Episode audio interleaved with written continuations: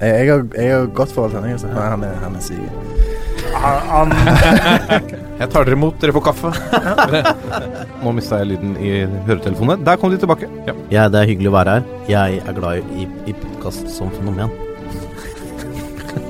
Jeg må ut. hjemme mot Lyngen Karnes gikk de på et litt leit 0-19-tap eh, Oh. her.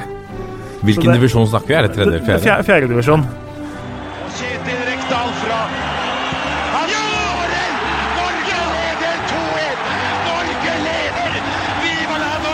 Og der er eh, toppfotball tilbake igjen, og vi trodde vel aldri nesten at vi skulle komme til dette. Eh, Noen ville frarøve oss også denne stunden, altså den siste episoden som er eh, klar før eliteseriestarten. Det var noen som ønsket å, eller ikke ønsket, men spådde at det ikke ble noe ball i 2020. Eh, Det blir det, og vi gleder oss. Og nå er det deilig å være tilbake og endelig snakke litt aktuelt igjen. Vi slipper å bruke en hel sending på å mimre tilbake til gamle greier. Nå kan vi sitte og diskutere potensielle laguttak. Vi skal tippe tabell. Ehm, det er ting som har skjedd, nye overganger på tampen. Altså, i det hele tatt, Lasse. Nå er det litt fyring igjen. Nå, nå nærmer det seg, altså.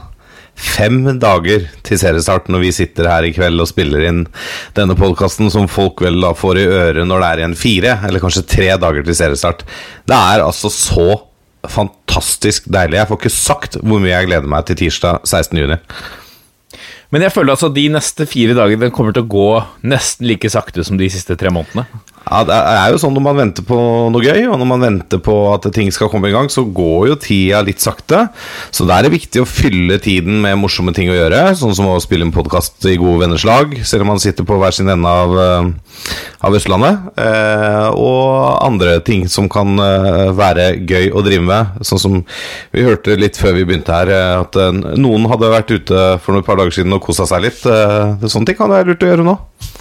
Ja, Blåse- ut litt. eh, det er ikke så dum idé.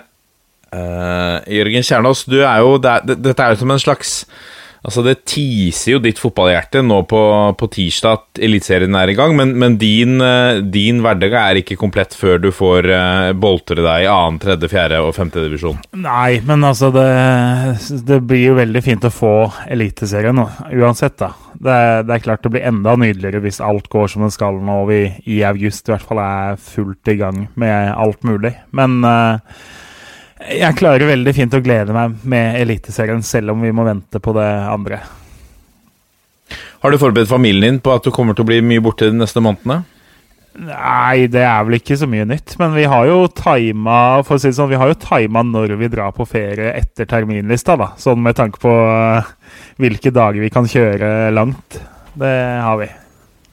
Har du tima hvor du er òg, sånn at du er helt sikker på at der er det god mobildekning? Har du vært inne på liksom, eh, dekningskartet til Telenor og sjekka? Ja, Nå skal vi ikke så fryktelig mange steder, da. Så jeg veit jo at eh, både på hytta der hvor kona er fra, så, får jeg, så er det faktisk internett. Eh, men bilturen blir tatt på en kampfri dag. Det gjør det. Klasse. Og Ole Martin, vi vet at du eh, gleder deg masse til, eh, til eh, Obos-ligaen starter. Men hvordan blir det for deg nå når Eliteserien begynner til uka? Det er jo en uh, fin greie for oss det å komme gang med norsk fotball igjen. Uh, det å se eliteseriekamper er, eh, i hvert fall for min del, morsommere og mer triggende enn å sitte og se på internasjonal fotball, selv om det også er selvfølgelig moro. Så det blir bra. og det er Artig å høre at Lasse gleder seg sånn til tirsdag. Jeg tør ikke engang tenke på hvordan han eh, føler seg når det er fire dager igjen til Obo-starten. Det må jo være, må jo være enda råere. Det blir helt rått. Hvordan er stemninga i, eh, i Strømmen om dagen? Du har fått eh, tilbake litt av gutta dine i trening osv.? Ja, gradvis mer og mer. Eh, Stemninga er fin. Jeg syns gutta er flinke. Er jo, vi har fortsatt en gruppe med spillere som er i jobb, som trener for seg sjøl. Så vi har jo to økter om dagen. Men jeg syns de løser det veldig fint. Så det, vi gjør det beste ut av det, gutta er flinke til å være positive. Og så er det jo sånn at vi gleder oss veldig til vi kan trene sammen igjen. I dagens sending skal vi gå gjennom eh, toppfotballs eh, eksklusive tabelltips, som eh, er det nærmeste du kommer til å komme fasit når sesongen er ferdig. I Pulsen skal vi også snakke om litt de siste treningskampene. Det har kommet litt spennende spilleroverganger. NordicBet har satt en odds på første treneravgang Det blir interessant å, å ta for seg. Ditt navn står ikke på listen, Ole Martin. Godt å se. Um, I, uh, I Breddenytt uh, så har vi et par uh, treningssaker, skal vi kalle det det. Og så har, har det kommet noen avsløringer fra, fra stallen og spillerne til Ole Martin, som vi kommer nærmere tilbake til i spalten Nestelquist. Nå må de faen meg skjerpe seg, så kommer jeg å rive hodet av hver enkelt av dem.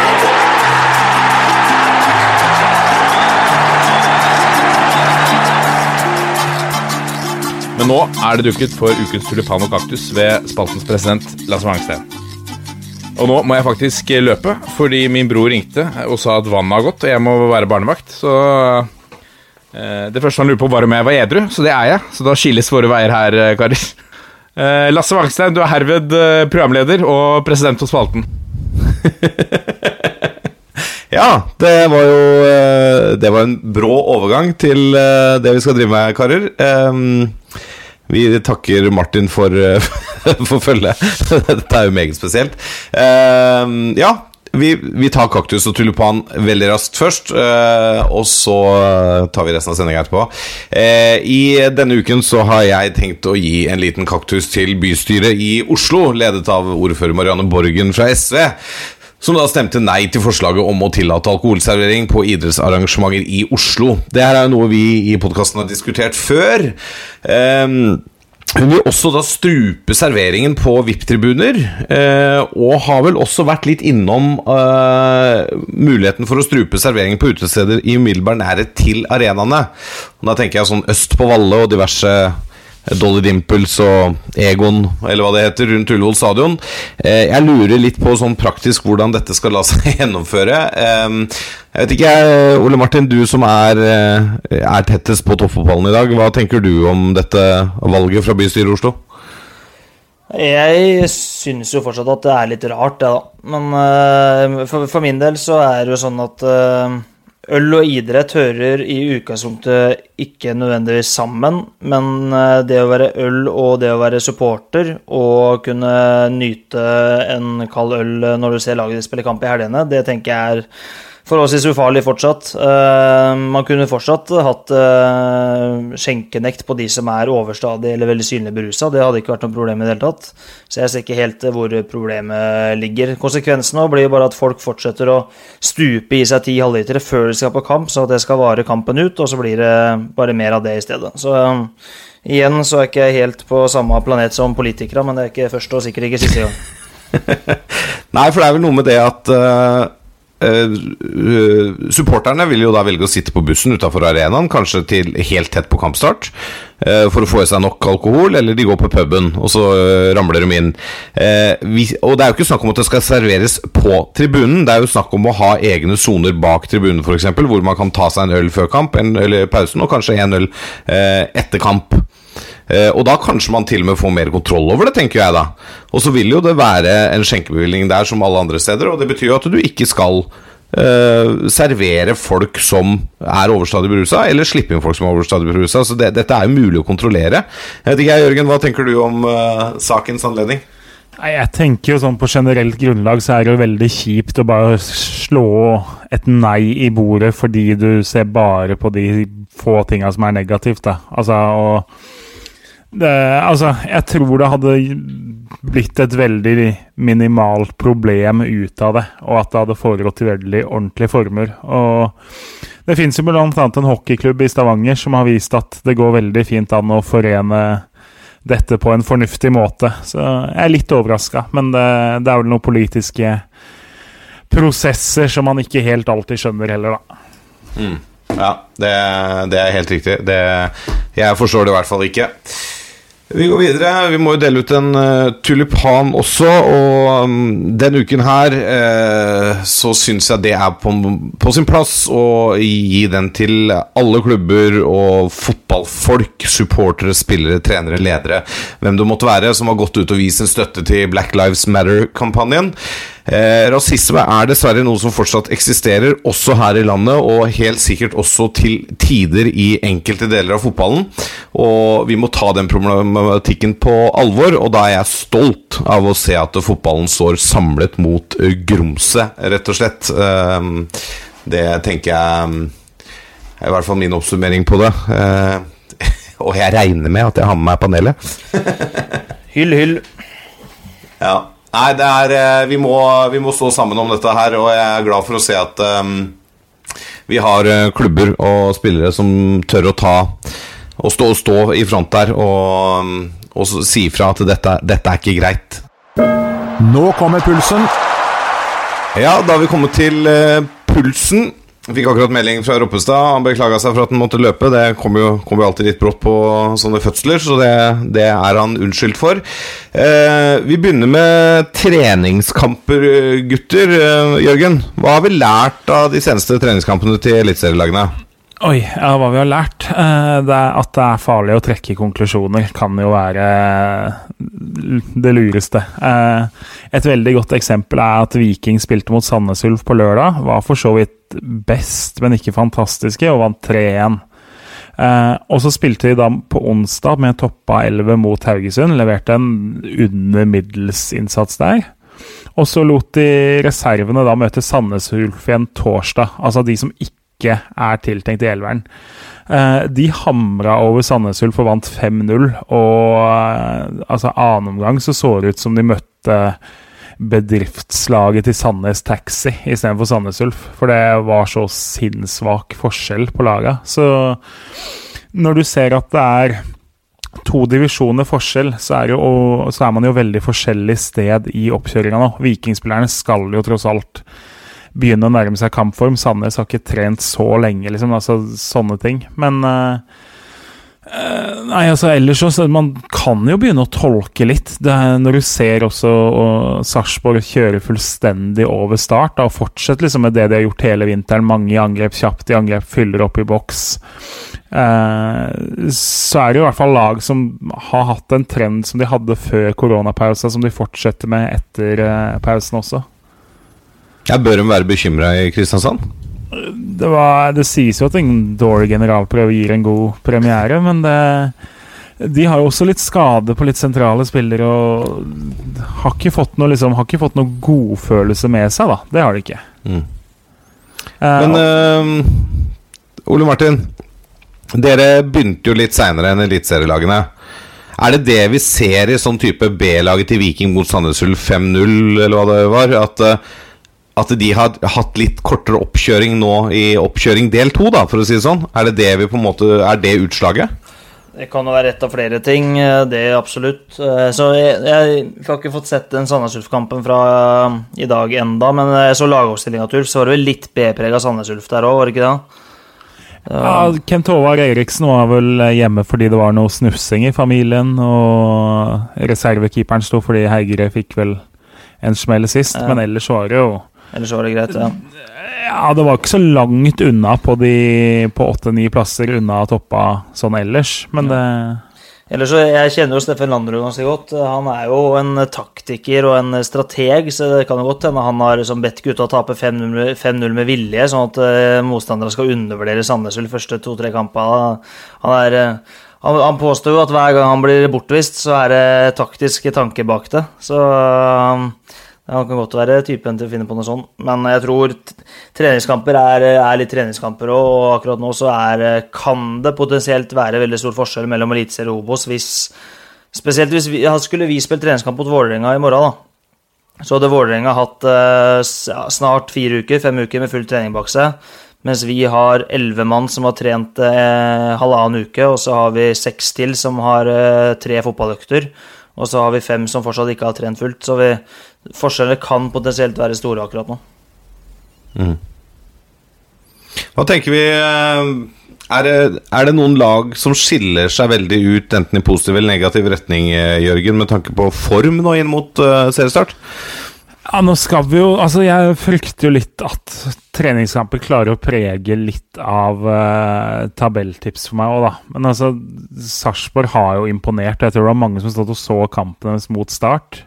Eh, Bodø-Glimt er et av lagene jeg syns har eh, selv lengest unna ut på mye av det de holdt på med i fjor.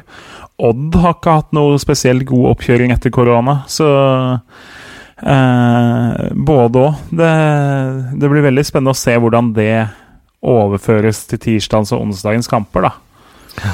Eh, Ja, Bodø-Glimt var jo veldig gode i fjor vinter og fikk jo en uh, solid sesong. Uh, Ole Martin, hvor mye betyr treningskamper for selvtillit inn mot en seriestart? Det er, det er litt avhengig av hvilke, hva slags gruppe du har. og jeg tror For Glimt i fjor så tror jeg det var helt avgjørende, for at det var en ung spillergruppe hvor mange fortsatt var litt sånn uprøvd og mangla gjennombrudd på det nivået. så at det var en ung spillergruppe som fikk spille på seg selvtillit. Mens hvis du har en litt eldre gruppe, så er jo, er jo gjerne litt sånn at eldre spillere er ikke så veldig opptatt nødvendigvis heller av de treningskampene og resultater. De veit at eh, de skal være der når det begynner å gjelde. Så jeg tror det er litt avhengig av gruppe. eh, Men sånn jevnt over så har jeg trua på at det å vinne fotballkamper er en eh, vane som er god å ha. Men du bør ikke legge opp til en oppkjøring hvor du bevisst møter kun dårligere lag for å vinne mye heller, for da kan du potensielt få et eh, nivåsjokk. Så det er jo Jeg tror det først og fremst handler om å møte så gode lag som mulig og matche deg bra. Og så tror jeg absolutt du eh, vil tjene på å i hvert fall vinne en del kamper også i løpet av en oppkjøring, for å ikke glemme hvordan det føles ut å vinne kamper. Det er bra. Vi går videre. Det har vært noen eh, overganger å bite seg merke i. Vi kan jo reise til eh, Bergen først, gutter. Uh, Kongsvinger-keeper eh, Ali Amada blir Branns nye keeper. Og Brann har jo da også signert Vegard Forren på free transfer, som det så fint heter. Eh, Amada, Jørgen, er det nye førstekeeperen til Brann? Ja, det er jeg ganske sikker på det er. Eh, Holmen Johansen har jo ikke noe tillit i Brann, og jeg blir overrasket egentlig hvis han fortsatt er Brann-spiller når vinduet stenger. For det, nå blir han jo et tredjevalg i Brann, og ingen er tjent med det, på en måte. Eh, så Ahamada er jo henta for å være den som står de neste sesongene. Eh, og det er jo en spennende keeper. Han er jo han er litt sånn som Jeg tenkte på Da jeg var trener i sjette divisjon, så trengte vi keeper. Og da fikk vi tak i en skikkelig svær fyr som hadde spilt amerikansk fotball og vært kicker der. Eh, han hadde aldri spilt fotball, eh, men han var jo større enn alle, og han sparka som en hest. Så liksom i feltet var det jo helt sånn kenguru i minefelt. Altså det var jo livsfarlig, for han eide jo ikke evnen til å bedømme når han skulle gå ut, og han skulle, når han skulle stå på strek, og plutselig var han på 30 meter. Og sånn, og det er litt den følelsen på Ahamada òg, at uh, han har noe vanvittig sånn Altså tilslaget hans og de fysiske ferdighetene og noen av de refleksredningene er helt nydelig sånn YouTube-material. Men så gambler veldig mye. Han slapp jo inn en tre-fire mål i fjor hvor han var helt feilplassert, og folk skårte fra 30-40 meter. Og, han var liksom 20 meter feilplassert, da. Eh, så han kommer til å begeistre i veldig mange kamper, og så kommer han i noen kamper til å være direkte avgjørende feil vei, hvis han ikke legger av seg de verste, liksom gærningfaktene, hvis man kan kalle det det. Men uh, jevnt over så er det jo en god og spennende keeper. Uh, så jeg tror jo Brann har gjort noe relativt fornuftig, i hvert fall. Holmen Johansen fikk jo være med på presentasjonen av den nye keeperen. Han, da han holdt opp eh, keeperdrakta, så kunne du jo se gjennom drakta at det var Holmen Johansens drakt han holdt opp. Så han fikk i hvert fall være med på det. Eh, Ole Martin, du har vel møtt denne spilleren et par ganger i fjor, så du kjenner han vel kanskje godt eh, på banen. Hva kan du si om han?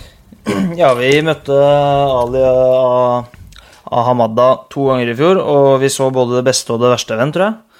Eh, vi vant jo 2-0 her på Strømmen stadion. Da er han jo eh, på mange måter direkte skyld i mål nummer eh, to, ved at han feilberegner litt når Magnus Tette kommer aleine med og da er han i tillegg halvskada, men nekter å bytte ut. Så han glir jo, kneet hans glepper når han skal fram i tillegg, så det er jo en, en liksom keeperglipp. Og så på Gjemselund så er han helt sinnssyk. Det var litt sånn ironisk nok, for på Gjemselund så er det sånn at man blir intervjua på vippen der før kamper når man er trener, og så fikk jeg spørsmål på vippen. Hva er, eh, hva er forskjellen på Strømmen IF og, og Kongsvinger? Kongsvinger ligger på femteplass, og Strømmen lå vi lå vi da på 14., tror jeg, kvalik. Og så sier jeg at nei, helt ærlig, det er to veldig jevne lag, men dere har Ali og Amada i mål. og dere har Adem Gyven. Det er forskjellene.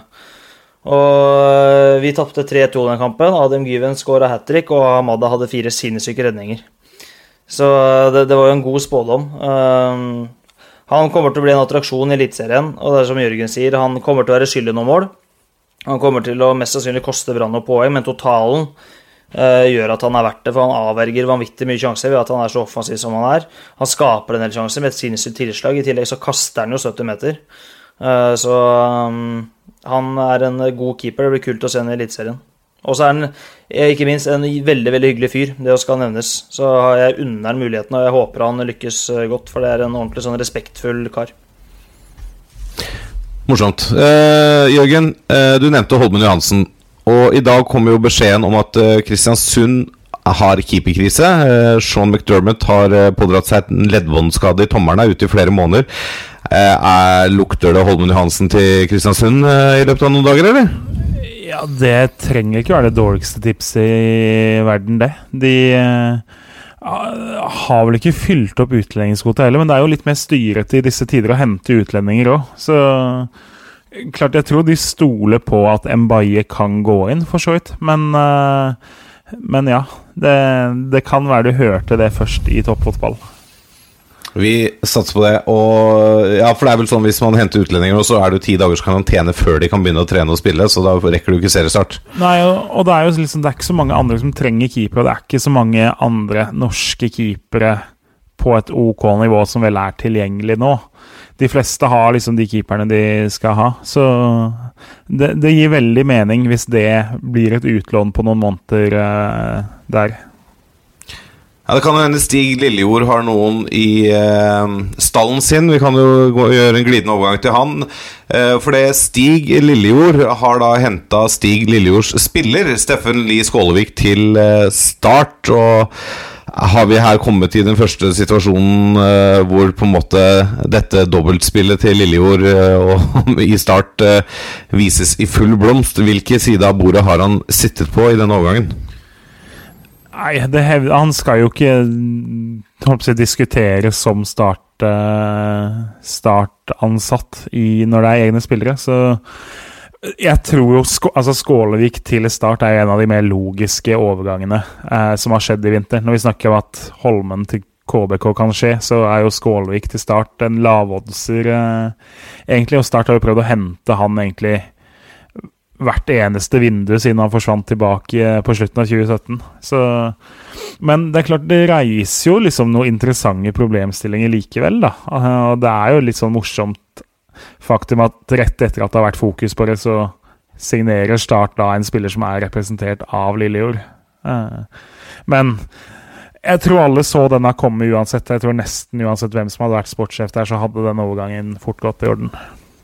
Men tror du, Ole Martin, at eh, Eller jeg vet ikke hvor mye du kan si om det her, da, siden du sitter litt oppe i toppfotballen sjøl, men tror du vi kommer til å få se flere sånne type overganger til start, hvor det er spillere representert av Stig Lillejord som blir henta til start?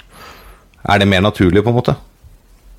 Jeg veit jo liksom ikke helt hvordan eh, Jeg har ikke lest så mye om saken heller, hvordan de skal fordele det der mellom seg, og hva som egentlig er rollen til Lillejord. men i og med at ikke det blir reagert på, så regner jeg med at de er innafor regelverket. Og da syns jeg liksom det, er det, er vanskelig da å kritisere Start og Lillejord òg, for at det er innafor et regelverk, så er det noe innafor et regelverk. Um, så da det jo, må man heller snakke om det. Men, um, men uh, at det kan gå til hende det kommer flere saker der. Det var vel uh, et eller annet med når Start signerte Bergan og Høybråten gikk opp til Bodø-Glimt òg, så er jo Høybråten spilleren til Lillejord eller et eller annet. Så det er jo flere sånne caser som sikkert vil bli stilt uh, spørsmålstegn ved, men uh, ja. Jeg regner med at de er innenfor regelverket, og da syns jeg det er vanskelig å ta de på det. Mm. Vi går videre til uh, Sandefjord Fotball, som har signert en brasilianer, en def defensiv midtbanespiller ved navn C. Eduardo. Det klinger jo på mange måter godt, det. Han har spilt aldersbestemt landslagsfotball for Brasil og vært eh, innom en eh, god håndfull klubber, står det i manuset til Martin her. Eh, er det noen som har god kjennskap til denne nysigneringen? Ja, nå er vi Han signerte jo vel egentlig rett før koronaen, men, jo, men han spilte jo for første gang på Sarpsborg stadion i helga, og da Veldig mye skulle innom han. Det var liksom uh, spill ballen til se Eduardo og se hva som skjer. Og det eh, Du så jo at han var Du så han var brasilianer, hvis det går an å si det sånn, da, på liksom litt av fakten og måten ballen skulle fordeles. Men leverte en helt OK kamp, så veldig Så litt Så ikke kampformer, så ikke ut som han kommer til å spille 90 minutter hver runde de første ti rundene, da. Og ga vel egentlig bort 3-1 på at han skulle ta imot ballen feilvendt på 17 meter på et utspark, og var dårlig orientert og brukte altfor lang tid og blei takla, og så ble det 3-1. Så så starta han på benken i neste treningskamp, og da Ja. Han var Altså, du ser jo at han har noe, men om han kan heve den fra første stund Det var ikke noe sånn umiddelbart ja til det. Nei, skjønner. Vi går videre. Vi har mye vi skal gjennom i dag. Eh, Nordic Bet har satt odds på hvilken trener som blir den første i Eliteserien. Og det er vel kanskje derfor du slipper unna her, Ole Martin. Hvilken trener i Eliteserien er den første til å miste jobben, eller forlate jobben? Og da ser vi her at eh, på Førsteplass har vi Lars Arne Nilsen i Brann på 4,50 odds.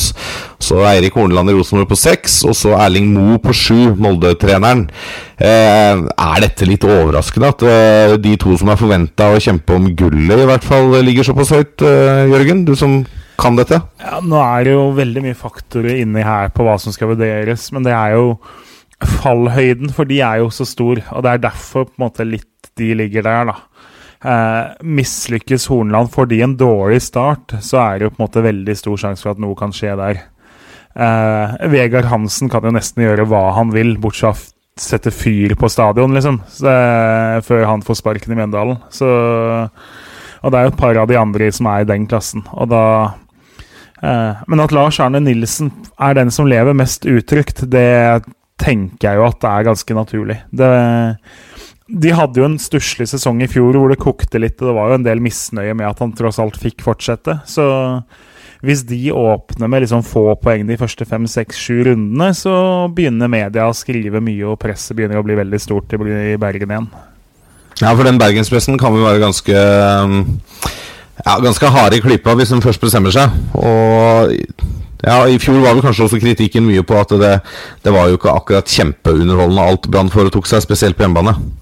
Nei, det var jo Det var ikke noe sjarmerende og engasjerende for så veldig mange bergensere. Eh, jeg synes jo, jeg ville jo trodd at Hardarson kanskje var den nest største favoritten, hvis det går an å si det sånn. Han har tross alt ikke noe veldig CV. Eh, imponerte ikke voldsomt i fjor, og har et lag som fort kan komme til å slite. Så det er liksom Det er jo ingen som blir sjokkert hvis han i løpet av 2020 får beskjed om noe annet å gjøre heller. Nei. Jeg tenker jo litt det samme om Martin Sifuentes i Sandefjord. Det er jo nå forventa at de skal være ganske langt ned. Det kommer vi sikkert tilbake til i tabelltipset. Men eh, det var jo litt støy der òg i løpet av vinterhalvåret. Så jeg føler jo kanskje at han heller ikke sitter sånn kjempetrygt. Nei, ha, men samtidig så har jo han imponert såpass mye, syns jeg, da, det første halvannet året, at uh, gjør Sandefjord en OK sesong, så er jo det et navn som kan være interessant for hakket større klubber hvis de må ut på leting. Uh, jeg tror ikke han føler noe mer eierskap eller liksom tilhørighet til Sandefjord enn at hvis han får et tilbud som han føler er et steg opp, så tror jeg han vil det. Uh. Ja. Nei, det er eh, som du sier, Vegard Hansen og 50 odds er nederst. Bjarne Berntsen og Jostein Grindhaug og Kjetil Knutsen er på 30 i odds. Christian Mikkelsen 25. Så var det de nevnte på topp der, med Hardasson også på 7 og Sifuentes på 8. Og så er jo Stare og Fagermo på 10-12 og Henrik Pedersen på 15, så det er jo Det er litt penger igjen her, da, hvis du er villig til å satse på at eh, noen av disse ryker. Det er mulig å hente noen kroner da.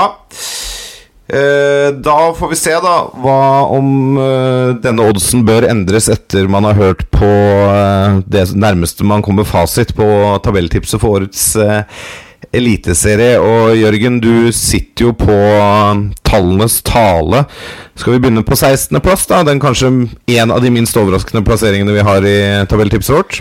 Ja, vi har jo gjort det som så at Skal vi forklare at Martin og Lasse og jeg har jo da levert hver vår eh, tabell. Og så har jo da på en måte førsteplassen gitt ett poeng, og 16.-plassen har gitt 16 poeng. Og så er da laget som har på en måte fått færrest poeng av oss på topp, og så det med flest poeng på 16.-plass osv. Så, så eh, var vi vel helt samstemte. Sandefjord er laget vi har putta nederst på 16.-plass.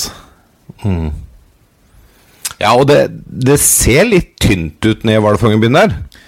Altså, Det er veldig logisk da, å plassere den nederst. Sånn, altså, Marius Høybråten ble kåra til årets spiller der i fjor. Pontus Engblom ble toppskårer i Obos. Eh, mista Ofkir. Eh, ikke henta liksom noen spillere som gjør at man tar helt av. Kutta budsjett.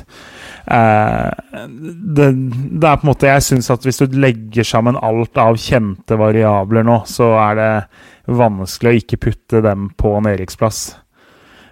Eh, jeg er veldig spent på hvem som skal skåre målene. De leter jo fortsatt etter både stopper og spiss, da. Så eh, Men det er jo garantert de andre lagene vi har putta ned i bunnen nå, har jo forsterkninger i kikkerten. Så spektakulært og spennende er det ikke, men jeg føler at Sandefjord de måtte vi på en måte ha på sisteplass. De er laget som har desidert størst sjanse for å rykke ned denne sesongen her. Kan det bli en sånn uh, rekordsvak sesong poengmessig, tror du, for dette Sandefjord-laget? Eller vil sesongen bli så rar pga. at han blir så komprimert, og at folk kommer til å rullere mer enn vanlig? At uh, kanskje de klarer å redde seg litt på det, i poengsnittet, da? Nei, altså det kan skje. Eh, nå er vel den rekorden ganske lav. Hadde ikke Lyn hadde vel veldig stusslig da de var halvveis til konkurs, hadde de ikke det? det? De tok 16 poeng på 30 kamper, f.eks. Så Men eh, hvis Sandefjord kommer seg over 25 poeng, så blir jeg egentlig overraska. Jeg tenker eh, ja. Nei, jeg tenker liksom Min rolle i dette her, i og med at jeg ikke sender inn tabelltips og ikke har noe mening, så jeg, jeg kan ta litt den rollen at jeg er uenig eh, på alle de bunnlagene deres, og så prøve å tale litt for at de gjør det bra. Det, altså det som taler for Sandefjord, er én at de har en uh, taktisk veldig dyktig trener. Martis Ifuentus er en, uh, en, sterk trener, en av de beste kanskje i Eliteserien.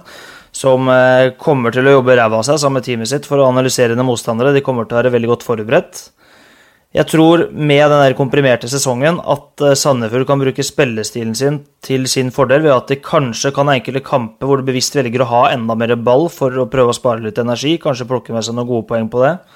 Eh, for akkurat det på å ha ballen i laget, det å, å um, få motstanderen til å flytte mye bein, der kommer Sandefjord til å være blant de beste også i Eliteserien.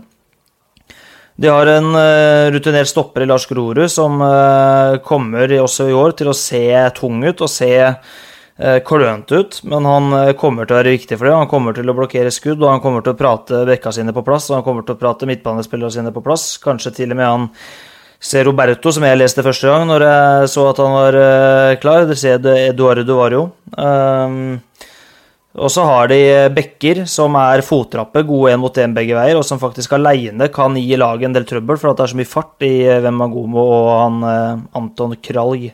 Så jeg er ikke sikker på at Sandefjord blir så stor kasteball som det mange, mange tror. Og så har de, ikke, har de ikke minst en spiss som gikk en utrolig god skole i 2019-sesongen, som eh, lærte å skåre mål da. Så han eh, kan putte noen mål i, i Eliteserien nå. Ja, jeg lurer på hvor han spilte i fjor. Det får vel ikke høye odds på å tippe det. Um, Nei, det var George Gibson vi snakka om, var det ikke det? det? Nei, det var ikke det. det, var ikke det. Selv om han for så vidt har sett fresh ut i vinter, syns jeg. Ja. Ja, det er bra. Vi går videre til det laget som da følger eh, Sandefjord ned til Obos-ligaen eh, i 2021, da, Jørgen. Hvem, hvem, er det? Nei, Vi var jo ganske kjedelig enige i bunn, men eneste lille forskjellen er at jeg og Martin hadde Mjøndalen på 15.-plass. Du hadde den på 14.-plass, men uh, Mjøndalen er laget som vi har tippa ned sammenlagt. Og det da de rykka opp før forrige sesong, så var jo det litt at det defensive var en god del av fundamentet som gjorde at de rykka opp. Og så funka ikke det i fjor i det hele tatt, før de hadde noen sånne heroiske kamper hvor de på en måte la seg håpe Eller ikke la seg, men håpa på 0-0 på bortebane i veldig mange kamper og klarte å kjempe seg til det, og så berga plassen med et nødskrik og slå både Ranheim og Vålerenga i de to siste. Så nå har de jo mista Ocean, de har mista Bergstrøm på topp. Eh, henta inn litt altså Nakkim inn for Jansen tror jeg er en liten oppgradering for dem. Eh, tror han fungerer bedre med Solholm eh, bak der. Eh, Makani er tilbake som førstekeeper. Eh, litt sånn wildcard fortsatt, syns jeg. Og så har de ikke funnet noe spiss. Nå har de prøvd Gauseth som en slags altså Skal man kalle det falsk nier? da. Han har stått oppført som spiss, men trukket mye ned. Og så har de tenkt at Liseth og Brustad fra kantene skal komme inn da liksom bak. Fordi det er jo egentlig de to eneste spissalternativene de har som er gode nok til å starte, men begge trives jo best når de får komme fra brettet i banen, da. Eh, men i både, altså mot Vålinga så var de terningkast tre, og mot Sandefjord så var de under det egentlig også. Og da fikk de både Lars Olden Larsen og Stian Åsmundsen skada. Så jeg, jeg syns altså totalen Jeg er usikker på hvem som skal skåre målene for dem. Om de har mange nok målskårere. Jeg tror heller ikke de kommer til å holde veldig mye tett bakover. Og så er det jo noen lyspunkter også på midten, blant annet, og litt sånn, men uh, ja, altså to lag må ned. Og for meg så er Mjøndalen da hakket under start på den rangeringa mi. Har du noe å tilføye her, Ole Martin? Jeg er jo selvfølgelig helt uenig. Uh, nei, jeg, er litt sånn usikker på om kan, altså Jeg tror kanskje Mjøndalen som totalt sett er litt forsterka fra i fjor, men jeg er enig i at altså på spissplassen så er det kanskje litt mer usikker, for Oliver Ocean, der veit du hva du får. Uh, men samtidig, han Alfred Skriven, som var på utlån i Kisa i fjor høst, det er en, potensielt en veldig bra spiss. Uredd, han er voldsom fysikk, mye kraft. Uh, har en sånn naturlig evne til å skåre mål. Du har har Liseth, som uh, på en måte hadde liksom, tilpasningsår i fjor fort, som ikke helt fikk gjennombruddet i Eliteserien, men som har veldig veldig mye bra i seg. Hvis han knekker noen koder til nå i løpet av året, så, så kommer han til å være bra. Brustad har spilt der et år nå. Det er mulig de andre greier å spille han enda bedre enn det som ble gjort i fjor. Så, så jeg syns det er en del spennende typer der uh, som uh, plutselig kan kvikne til. Midtbaneleddet mener jeg er forsterka. Rønning Ovenstad kan uh, tilføre det noe. Gauseth, du kan si mye rart om Christian Gauseth, men han blir mer og mer rutinert, selv om han har vært rutinert de siste ti åra. Så um, blir han flinkere og flinkere til å gjemme vekk litt dårlig fart og posisjonere seg smartere og prate de andre bedre. Olden Larsen, en spiller som også kan levere noen mål. Mye selvtillit fra i fjor. og Håper han kommer i gang etter hvert. Eh, så ja, jeg tenker at det er ikke sikkert at det blir noe dårligere enn i fjor. Og hvis de blir bedre enn det de var i fjor, så skal de fortsatt greie å, gjøre, greie å gi, gi, bra kamp mot, uh, mot de fleste lag, tenker jeg. Altså er jo Gauseth en eh, rutinert og kynisk jævel, og det mener jeg i absolutt mest positive forstand. Eh, det gikk vel en ganske morsom Twitter-føljetong i fjor på bilder av Gauseth med krampe hver gang eh, Mjøndalen lå an til en sterk 0-0 borte mot et potensielt sterkere lag, eller leda en kamp. Så vi kommer sikkert til å få se Gauseth på ryggen og be om å få tøye litt i år også. Da går vi til 14.-plassen, og den har vi på en måte kanskje avslørt allerede. Det er jo da mm, Sørlandets eh, største stolthet i fotballverden akkurat nå. Det er IK Start Lillejord. Hva tenker vi om at vi har satt, satt i der? Nei, det altså skal man peke på noe med Start som liksom jeg syns er et poeng, da, er jo at uh, da de rykka opp før 2018-sesongen, så henta de jo Gud og hvermann. Da var jo alle spillere rundt 20 år med potensial var jo startspillere nesten den i løpet av vinteren. Så i år så har de jo gjort det litt annerledes. Viser ganske tydelig at de har ikke så mye å handle for. Det er litt mye sånn Altså, Vegard Bergan er jo ikke en spiller som har vært veldig attraktiv i markedet i Eliteserien, for å si det sånn. Og henta liksom Vikna har ikke henta så mye annet. Eh, Aron Sigurdarsson er på en måte forsøkt erstatta internt. Og så kommer jo da Skålevik inn, men det er jo også litt fordi at Ramsland er ute med skade. Så de mister jo da både Love og Sigurdarsson, som går an å si at var de to mest toneangivende spillerne de hadde i fjor. Eh, syns i treningskampene nå at de, de har ikke gitt noen gode svar heller. Og så er det litt sånn at altså Uh, Schultz er litt langt unna. Remu har vært skada. Uh, stoppeparet har de ikke helt funnet ennå. Og Jørgensen ser ikke ut som den lederen de skal ha. Uh, litt sånn som for Start, at totalen på litt for mange punkter blir litt for tynt. Så jeg blir veldig overrasket hvis Start kommer seg langt unna den nedrykksstriden i 2020. Mm. Og så er det vel sånn her nå, Ole Martin, at det er ganske mange lag Vi har jo snakka om det før. Så fra sånn fjerde, femteplass og kanskje ned til tolvte, trettende, fjortende som Det er litt vanskelig å spå, eller? Ja, det er, det er jevnt. Ja, det er jo marginale forskjeller på veldig, veldig mange av laga. Um, så Start har vi prata litt om før, og jeg syns de har gjort noen veldig gode signeringer. Jeg har Erik Schultz har prata om før, jeg syns det er en veldig bra fotballspiller. Um, så tror jeg det kan Nå har jo Start prøvd litt forskjellige ting de siste åra. Nå kommer det på en måte opp i Eliteserien med en litt mer lokal profil, og hvor de ønsker å virker i hvert fall som utad at de ønsker å bygge en, en, litt større tilhørighetsfølelse. De ønsker å få med seg Kristiansand i større grad og skape litt entusiasme rundt at det nå er en del lokale folk som skal prøve å spille. og det, Du kan få en del energi hvis du føler at du får med deg publikum. Når det kommer litt folk på kamper, det blir prata positivt i byen, så kan faktisk den type ting òg slå positivt ut på resultater. Um, så er det klart at uh, Love blir savna i den bakre fireren der. Vegard Bergan syns jeg i mange år har vært veldig nære å få gjennombruddet sitt. Uh, hadde vært veldig hyggelig hvis han hadde fått det i år.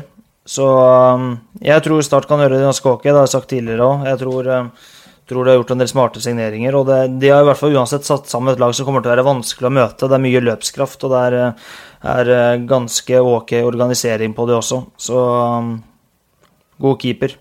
Så ja, jeg tror de kommer til å plukke poeng, jeg, ja, altså. Og det er jo, og det er jo litt sånn i en tabell så er jo på en måte Hvem er havner i nedrykkssiden? Det er kjempespennende. Hvem er det som kjemper om uh, edlest metall? Det er spennende. Alt det der i midten er jo på en måte litt sånn Ja, det er jo midt på treet, på en måte. Uh, jeg tenker at vi, Siden vi var så samstemte, så tar vi 12. og 13.-plassen samla, Jørgen. Uh, vi har alle satt Godset på 13. og Ålesund på 12. Uh, Begynner med godset, da. De fikk jo en liten opptur da Henrik Pedersen kom i fjor, og så var det vel litt så som så, men eh, der også er det vel ikke den, den bredden i stallen som de kanskje trenger for å komme noe særlig høyere? Nei, den er litt kritisk tynn på en del plasser. Eh, og så er det jo altså på keeperplass For å starte der, William Myhra imponerte jo ikke i fjor da han fikk sjansen. Han er førstekeeper nå. Eh, både på midtbanen og på spissplass. Nå har jo han nye latvieren vist at han er en nyttig spiller og kan brukes til en del på begge plasser, men ellers så er de nesten avhengig av de startspillerne i hver eneste runde, syns jeg, på midtbane og i angrep. Det, det, er liksom, det er han og uh, Johan Hove, og ellers så begynner det på en måte å bli litt sånn kriseløsning-feeling av de du har på benken. Uh, Niklas Gunnarsson som en av to stoppere sammen med Chamba, som kanskje trenger en litt uh, tydeligere sjef ved siden av seg. Uh, de veit ikke om Chamba, han Jack, blir værende lenger enn ut juli, når låna vel går ut. brukt hele vinteren på å prøve å forhandle seg ut av den avtalen med Drammenspatriotene. Så jeg ser veldig mange tipper godset veldig høyt, og det er klart, altså, ser du på liksom Salvesen og Maigård og de gutta, så så skjønner jeg jo at man blir litt sånn At det er ting å trekke fram positivt for godset òg, men jeg, jeg syns den stallen er så tynn at det først og fremst er liksom bredden og spiller nummer 14, 15, 16 og nedover som, som, kan gjøre at de detter litt lenger ned enn det kanskje elveren kan antyde, da. Mm. Hvis vi ser på plassen over, da, Ålesund, øh, som var ganske suverene i Obos i, i fjor. Eh, tror du Lars Bohin tar den tolvteplassen hvis du sier at det er det du får? Sier han ja da? Ja, nå har jo han røpa at han kan finne på å stille med si, reservelag i vanskelige kamper for å ha større sjanse til å vinne kampen etter. Og jeg tror altså Selv om det er et potensial i Ålesund nå, så tror jeg han hadde tatt den uten å tenke seg om i mer enn fem sekunder. Hva uh, syns du om en sånn innstilling, Ole Martin? Jeg bare avbryter deg litt, Jørgen. Du skal få komme tilbake til Ålesund. Uh, at uh, i noen kamper så, så stiller de bevisst B-laget for å spare seg til kanskje en kamp mot en nedrykkskollega eller rival? jeg sier ikke at det er sånn jeg tenker, men jeg forstår det godt. internasjonalt ganske vanlig å tenke sånn, så vidt jeg vet. så det er jo kynisk, dette her. Ålesund har kommet opp i Eliteserien fordi at de ønsker å være der. Og um, da for meg så Jeg har ikke noe problem med å forstå at Lars da tenker at uh, det kan være fornuftig å prøve å velge ut hvilke kamper du skal vinne, og akseptere at du da sikkert taper noen andre. Så gjentar jeg, jeg gjør ikke det sjøl. Jeg hadde aldri greid å stå for det sjøl, men jeg kan forstå at han gjør det. Så jeg tenker at det er et valg de må ta, og så er man jo veldig avhengig av å lykkes, da. For det blir jo veldig dumt hvis du skal stille reserveprega på, på Lerkendal, og så møter du eh, Sandefjord hjemme og taper der òg. Så da Du må jo lykkes når du går for den. Så um, syns jeg det er også litt av sjarmen at du har noen trenere som er eh, veldig ambisiøse og kanskje periodevis naive, type meg sjøl, som tenker at det er mulig å slå alle hvor som helst og når som helst. Og så har du de som er litt mer kyniske og litt mer eh, strateger kanskje inn mot det, og tenker at den kampen der kan vi tape, men vi skal vinne om fire dager. Så det blir, det blir spennende å se. Det er interessant og morsomt at det er eh, flere måter å gjøre det på. Hva er Ålesunds store styrker for å klare seg med bravur i Eliteserien, Jørgen?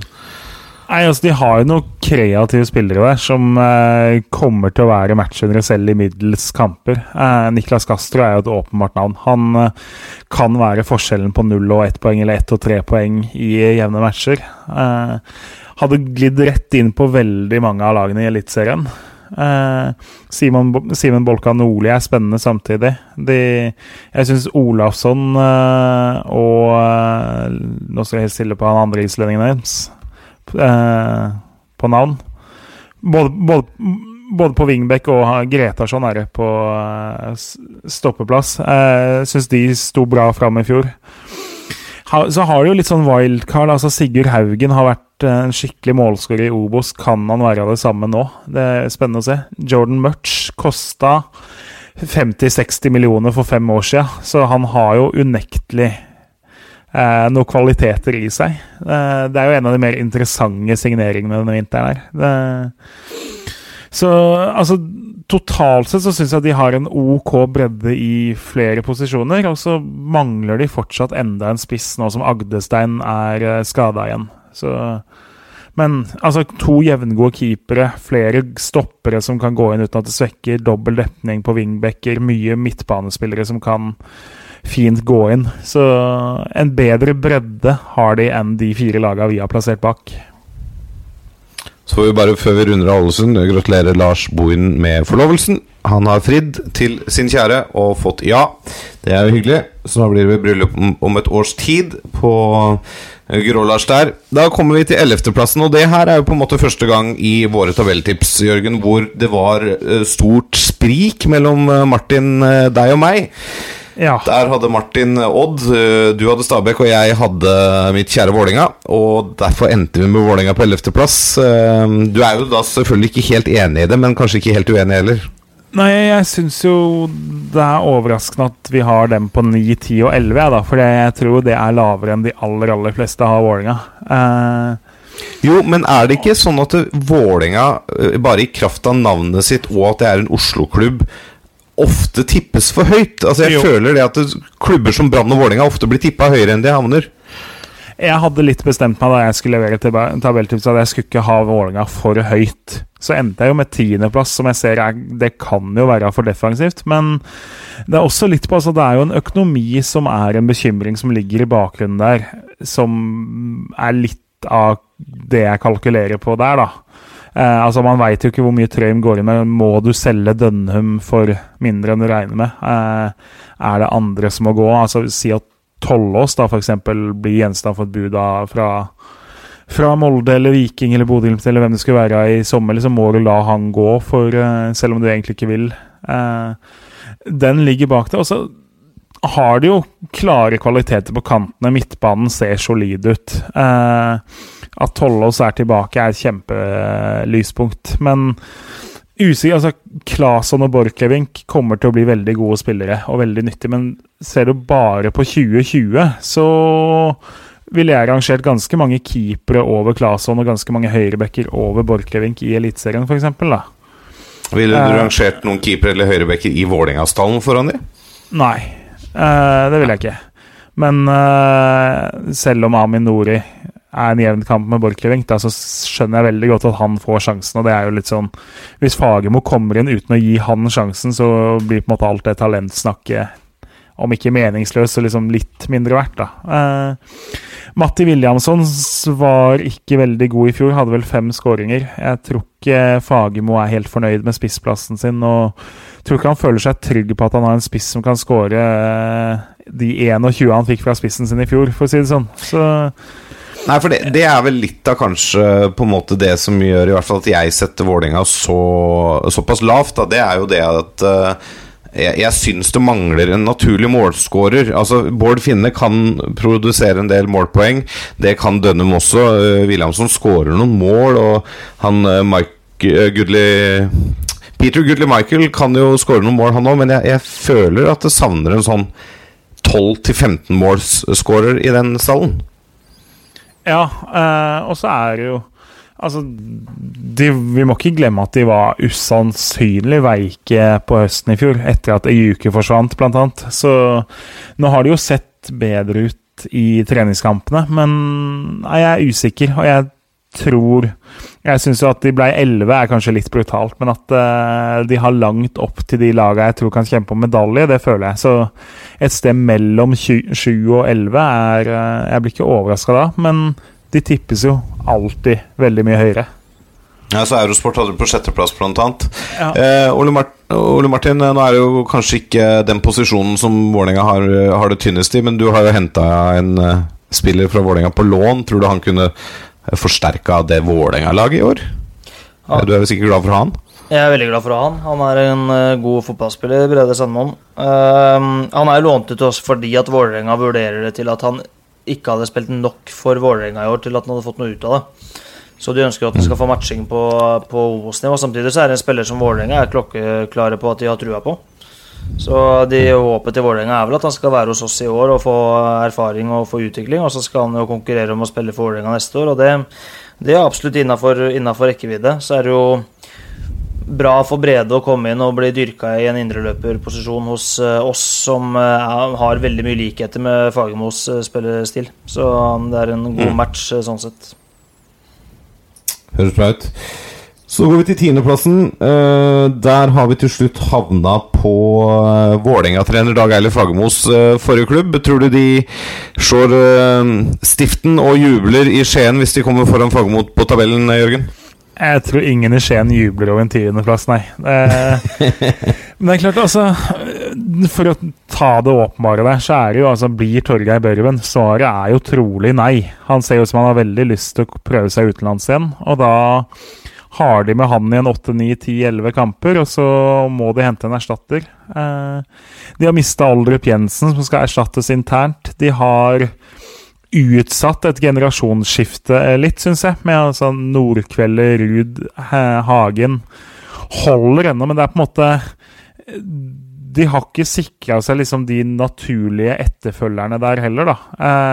De unggutta de har tatt opp, er litt for langt unna i kvalitet at de liksom kan Sånn som Molde har jo nå Ok, Haraldseid er kneskada. Ja, da dytter vi inn på Markus Holmgren Pedersen, som jo er en av de mest lovende høyrebekkene i Norge.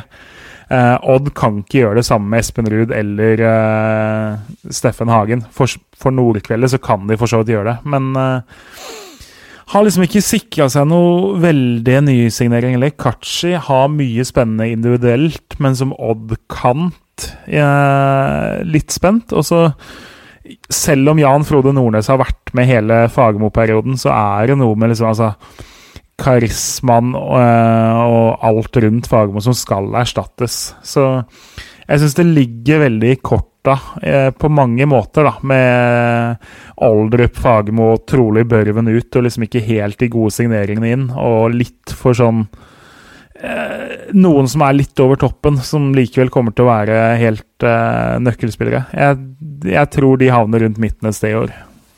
Mm. Er du åssen Åssen er det, Ole Martin? Er du eh, helt uenig i vurderingene til eh, dine kollegaer i toppfotball? Som på show og litt på prinsipp så er jeg alltid uenig med fotballeksperter. Men øh, jeg, jeg syns jo det blir spennende å se Odd. Uh, det er uh, Jeg tror de gjør lurt i å fortsette med Nordnes, som kjenner klubben, kjenner identiteten, og som også er glad i å satse på unggutter. Uh, og det kan godt hende at det slår ut veldig positivt i Odd òg. For ikke at Fagermo har vært feil mann der, men han har nå vært der i hva var det for noe, 12 år? 12-13 år. Og det å da plutselig få, om ikke det blir en ny stemme, så en, en ny stemme inn i en ny rolle, og sikkert litt egne vrier på det, som Nordnes tar med seg inn, det kan slå ut veldig positivt òg, det. Så um, Odd har jo en fordel i kontinuitet eh, gjennom spillestil, gjennom sin 4-3-3. Eh, gjennom at eh, veldig mange av de unge som kommer opp, eh, er uerfarne, men de kjenner rollen sin veldig godt. De har gjort det i andredivisjon for Odd 2 i en årrekke og, og veit hva de skal gjøre. Så um, jeg tror, eh, jeg tror Odd eh, kan bli veldig bra, jeg, altså. Bare en, eh, si kjapt at um, det er jo ingen av oss som er fotballeksperter, vi er fotballsynsere. De kan du være enig i, vet du. Ja, for så vidt. Kjernås, du har vel egentlig tittel fotballekspert, har du ikke det? Det er jo ikke en beskytta tittel, så den eh, kan man grabbe til seg. Men jeg, jeg syns jo ikke det er noe Jeg er ikke sånn superbekvem med det, men det altså fotballekspert kan jo være mye. Eh, Det er helt jeg skal klart. ikke, jeg skal ikke holdt på å si På de taktiske og dype variantene, liksom, og sånn, så skal ikke jeg utfordre så veldig mange av dere som jobber med fotball. Men eh, eh, Nei, fotballsynser er mer dekkende, men det høres liksom Det høres jo ikke like proft ut. Og jeg, jeg våger jo i all kjepphetens tid å tro at jeg i hvert fall fortjener tittelen like godt som noen andre som bærer den med stolthet. da. Det er jeg helt Det- enig i. Jeg er helt enig, Jørgen. Det er bra. Da går vi videre til um, den utrolig spennende niendeplassen. Um, tror du, Jørgen, at uh, mange er overraska at vi har satt Stabæk såpass høyt på tabellen? Nei Hvis jeg kan de- kalle det høyt? Det jeg har sett av tabelltips, har Stabæk vært egentlig litt sånn der eh, ta bind for øya og kaste en ball et eller annet sted på en dartskive. De har- syns jeg har svingt mye på folks tabelltips. Og det Stabæk svinger jo mye òg. Altså, tipper dem på 14.-plass, så tar de bronse fordi de henter tre spillere på deadline day som er superstjerner. Og tipper dem på medalje, så holder de på å gå konk om å selge alle mann i sommervinduet. Så det er et av de lagene du føler du egentlig aldri veit helt hva du får av. Men jeg hadde liksom i januar-februar bestemt meg for at de skulle ha høyt, fordi jeg syns de hadde så mye spennende. Og så ser man på stallen, altså bak de som skal spille i forsvar, så er det liksom ingen som har spilt eliteserie som skal gå inn og dekke. Altså blir Amankvale Hanke Olsen skada, da må de dra inn Mats Solheim eh, fra høyrebekk, og da har de ingen til å erstatte Solheim på høyrebekken. Hvis ikke så er det Pignatell som skal inn, som jo noen har tro på, som jeg er veldig usikker på om tar det umiddelbart. Eh, midtbanen er høy klasse. På spissplass så er jo Asemi har ikke funnet formen, er ikke kampklar ennå. Og da Kinoshita har sett bra ut i vinter, men eh, om det er nok Og så syns jeg både Gall og Edvardsen er spennende kantspillere, men det Altså, offensiven til Stabæk er et stort spørsmålstegn, og så se, regner man vel med at bohinden forsvinner eh, i løpet av et par måneder i tillegg. Så jeg syns den stallen har masse talent og mange spillere som kommer til å få strålende karriere, men jeg syns ikke den er helt liksom, kvalitetsmessig god nok for den sesongen vi snakker om nå, da. Nå skal vi ikke legge for mye i treningskampen, men eh, de skåra to dødballmål mot eh, Odd i en treningskamp nå nylig. Er det, litt, det, er, det er jo ikke sånn du først og fremst tenker på Janne Jønsson, eh, et Stabæk-lag til Janne Jønsson, at de er ekstreme på corneret. Eh, men er, det, er det noe nytt han driver med? Ekstreme er det jo ikke, men jeg syns de tok steg der i høst òg, uten at jeg sitter med tallene bak meg. Så var det jo, ble de tydeligere og farligere der. Og de har jo tross alt de to stopperne òg som ruver bra også i motstanderens felt og er med på å skape kaos der. Så har de en god fot bl.a. på Bohinen, som skal ta de. Så men uh, mye fart også, da, i en del av de spillerne de skal bruke på kanta. Så jeg tror nok du får se mye av det være en nøkkel også. Mm. Og så ja, Har du noe å tilføye her, eh, Ole Martin? Nei, jeg, ehm, ja, jeg syns Janne Jonsson eh, drepte jo litt av de uh, kaller det som myter kanskje som gikk om han i fjor. For han, det er veldig mange nordmenn som eh, når han ble ansatt i fjor, tenkte tilbake på en romantisk angrepsfotball med Pall Gunnarsson, Landskog, Alansinho, Choi og den gjengen der. At det, at det kom til å bli fantastisk angrepsfotball, Altså kanskje litt slurvete forsvarsspill. Men jeg syns han gikk jo inn og organiserte opp det Stabæk-laget ganske godt. Ehm, både i etablert forsvar og etablert angrep, men dødball i faste situasjoner og alt, så ble det på en måte et, et eh, godt organisert lag, og det plukka ned poeng på det. Så uh, vil ikke overraske meg hvis de plutselig blir veldig bra på dødball. Altså, for han, eh, jeg syns han eh, hadde en liksom kul inngang til jobben i fjor og drepte en del myter rundt han sjøl. Han er jo en fotballklok og erfaren uh, herremann, denne svensken. Ja. Vi går videre til eh, åttendeplassen. Uh, Jørgen, hadde du satt Kristiansund lavere enn åttendeplass hvis du visste at uh, At Sean McDermott var ute i flere måneder? Ja, jeg har jo satt dem på Jeg hadde dem vel på niendeplass, til og med. Ja, du hadde dem på niende, ja, stemmer. Men hadde du satt dem enda lavere? Jeg ser jo dere hadde jo seks og sju, men ja, kanskje. Det, det er jo litt sånn justering man gjør underveis. Men at de mister jo da en kanskje topp tre, i hvert fall topp fem-keeper i Eliteserien. Eh, det har de ikke på benken, selv om Mbaye er en god andrekeeper. Så det kan bety noen poeng negativt. Og så ser de jo Altså, de lagene fra fe ofte fra femte til tiendeplass har skilt ett poeng eller målforskjell liksom, mellom tre, fire, fem klubber og sånn hver sesong. Så eh, Kristiansund har jo selv avslutta sterkt ofte og liksom klatra fra tiendeplass og veldig høyt oppover. Eh, jeg syns jo de har litt kvaliteter. Altså Pellegrino ble, var jo en kjempesuksess i høst. Eh, Kastrati har blitt værende mot det mange trodde. De, Liridon Kaludra er en undervurdert spiller. De har igjen den muren sin foran Forsvaret med altså to stoppere og to dype midtbanespillere, som er eh, dritvond og dritvanskelig å spille mot.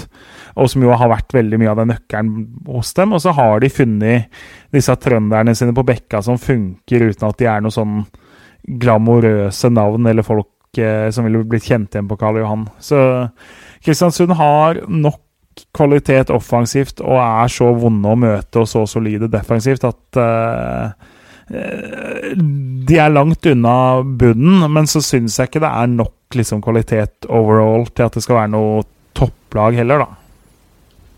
Hva er det som imponerer deg mest med hva de holder på med oppe i Kristiansund der, eh, Ole Martin? Miljøer som uh, blir bedre og bedre for hvert år, er eh, både interessant og litt inspirerende. Og der er jo Kristiansund ikke bare som lag, men som klubb har jo virkelig tatt noen, eh, tatt noen enorme steg de siste ja, bare ti åra. eh, og forstått før det òg. Så eh, det er noe med måten de jobber på, da, og, og eh, hvordan de strategisk har greid å ta steg for steg og, og jobbe langsiktig samtidig som de har greid å få kortsiktige resultater. For det er jo ofte det som er vanskelig fotball. Da. Det er veldig mange som prater langsiktig og som prater om at de skal være der og der om tre år, men så taper de de første fem kampene, og så får treneren sparken.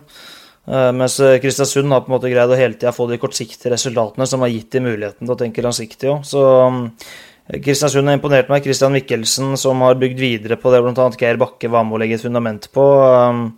Har vært utrolig imponerende. Så jobben Mikkel gjør, og, og mange andre der oppe, er åpenbart veldig flink, eller veldig bra. Og så veit ikke jeg nok til å si i detalj akkurat hva det er, annet enn at det er imponerende for det de driver med. Det er veldig, veldig vanskelig, ellers hadde flere gjort det. Og så, Jørgen, eh, kommer vi til uh, Vålerenga-plassen syvende. Eh, ref eh, disse oddsene på trenere som får sparken først. Eh, får Lars Arne Nilsen sparken hvis Brann havner på sjuendeplassen vi tipper dem på?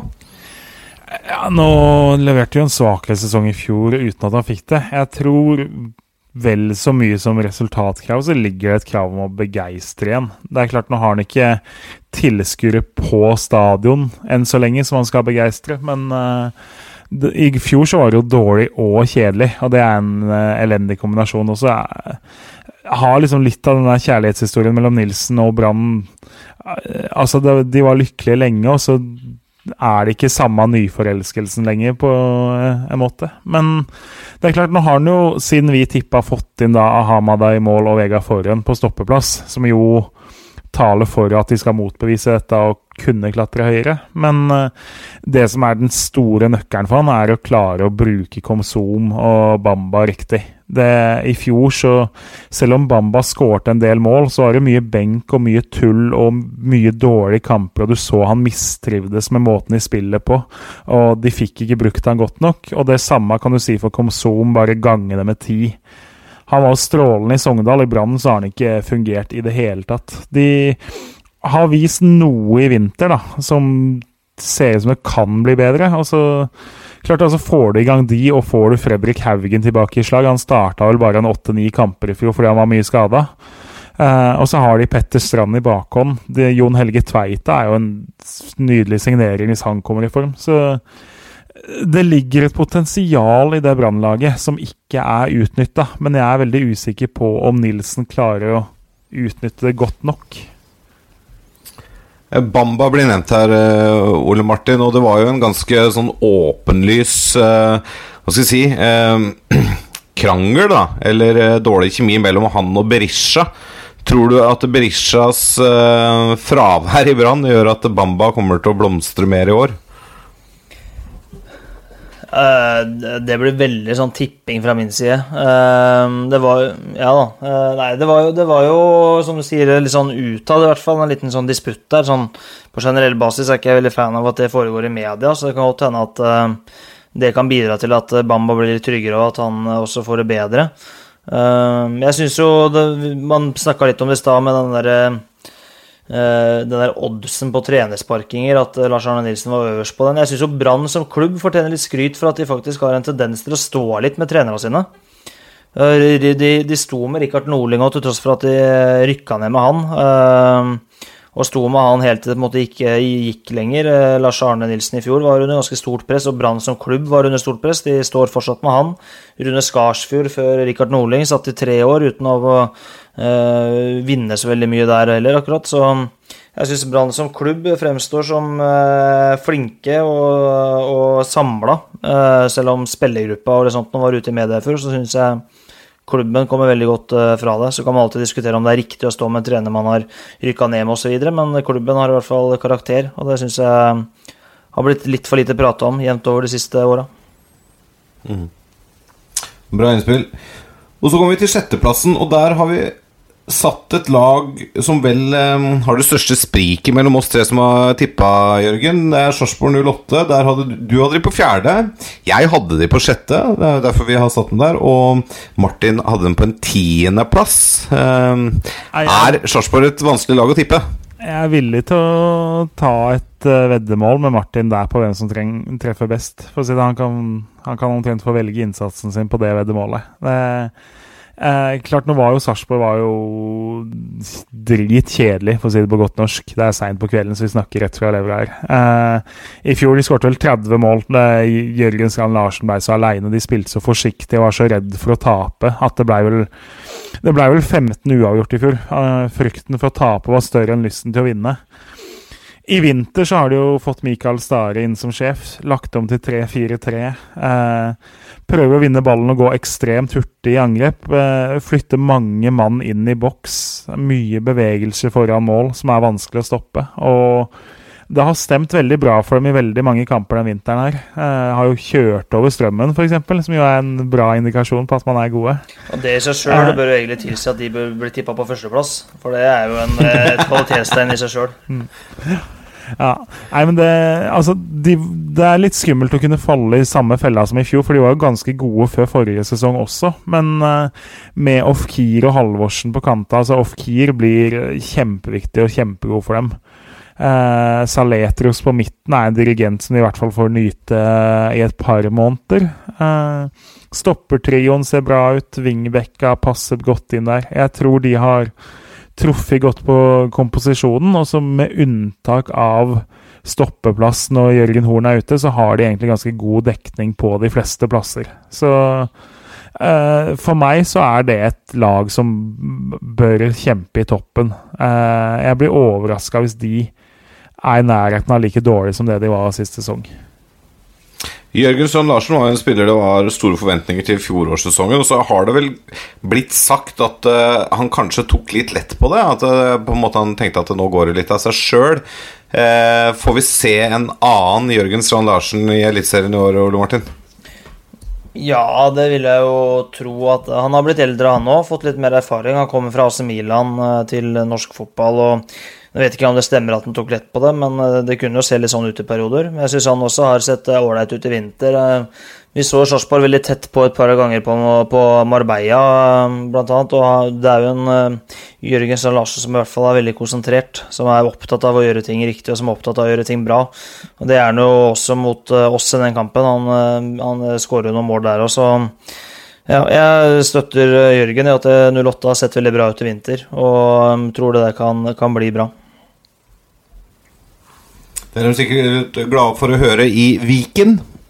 Øst, øst, Eh, ja. femteplass Ja, ja, ja, det Ja. Jeg var helt bevisst, jeg vet du sitter der. Femteplassen, det er fjorårets store overraskelse. Eh, kan vi frykte at eh, Nei, vi, vi har jo satt dem på femteplass av Bodø-Glimt. Eh, tror du, Jørgen, at det er et fornuftig tips, eller er du litt usikker nå? Jeg er litt usikker. Jeg hadde vel én plass lenger ned. Og det er klart, eh, Når vi snakker om at Odd At det ligger litt i kortet at de kan få en nedtur, så syns jeg jo Bodø-Glimt eh, er mye av det samme. Nå er det Lajoni var jo borte halve sesongen i fjor. Nå er han borte hele sesongen. Håkon Evjen er borte. Uh, Jens Petter Hauge ser ut som han forsvinner om noen runder. De har ikke truffet så langt på signeringene av Sami Skytte og Kasper Junker. De har vært mye skada og ikke fått komme inn i laget. Eh, har fortsatt ikke signert ny keeper etter Ricardo, så eh, De overraska jo alle i fjor, selv om de måtte erstatte nøkkelspillere før den sesongen. Men eh, jeg tror det her Det blir jo ikke den vanskelige andre sesongen, men jeg tror de skal få slite stort med å følge opp, og det Jeg er veldig spent på det. Samtidig så er det altså Sinker, Nagel, Saltnes, Berg, Bjørkan, Lo De har jo mye kvalitetsspillere fortsatt, så liksom Helt krise kan jeg ikke se for meg at det blir, men uh, ikke like bra som i fjor heller, altså. Og så er vel Bodø-Glimt uh, Ole Martin, et eh, lag som har ganske innarbeida spillestil. Du veit hva du får. Er 4-3-3, og det er jo en spillestil du også kanskje kjenner litt til. Uh, tror du det er en eh, fordel for eh, et lag at det er såpass innarbeida at de kanskje kan prøve å plukke rollespillere til den formasjonen? Eller spillestilen? Jeg tror det er en veldig stor fordel å ha en så tydelig spilleidentitet eh, når du finner de riktige typene. Og så veit jeg sjøl at det kan være veldig frustrerende når du ikke finner de. For at du kan liksom ikke I en del andre formasjoner og spillsystemer så kan du slå deg til ro med noe som passer sånn cirka, hvis han bare er god nok. Mens eh, skal du ha tak i en venstre indreløper til eh, Bodø-Glimt, så må han passe perfekt. Eh, Så det krever en del arbeid. Bjørkan har løst det glitrende tidligere. Eh, Så tror jeg nok at, at Glimt, sånn det er i år De skal ut i Europa, de skal få teste seg litt der. De har gjort en del utskiftninger nå, gjort noen gode salg, fått inn noe nytt som de skal satse på.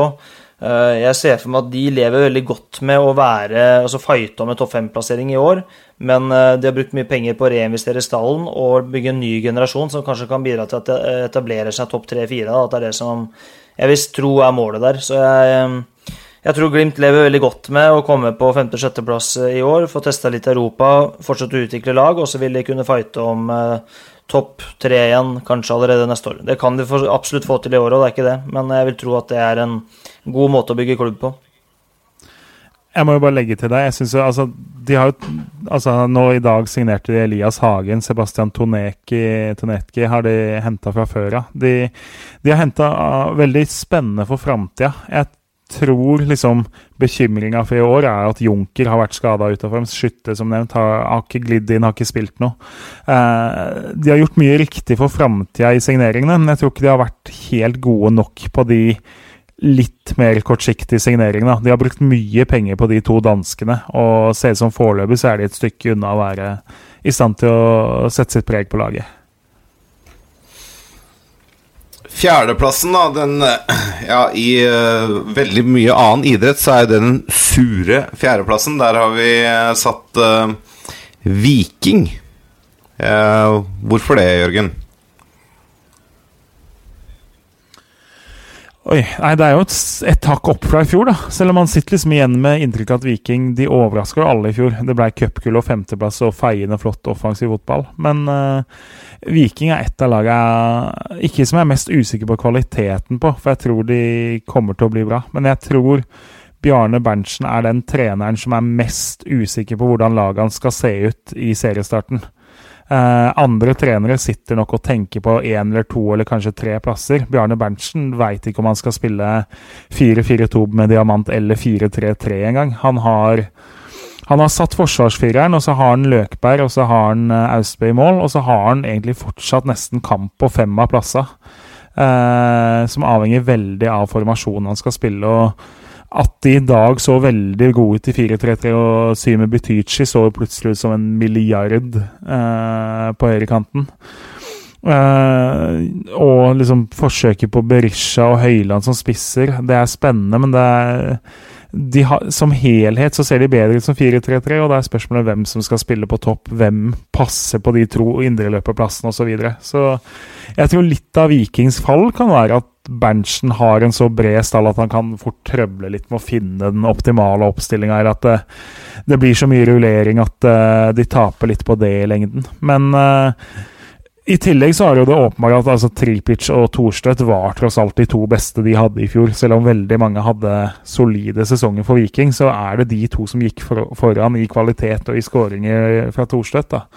Eh, Dilanli er mye skada, så han og Berisha inn er jo to store navn, som igjen er brukt mye penger på, som er veldig populære signeringer. Men i kvalitet så hadde jeg valgt meg Tripic og Thorstvedt foran de to hvilken som helst dag.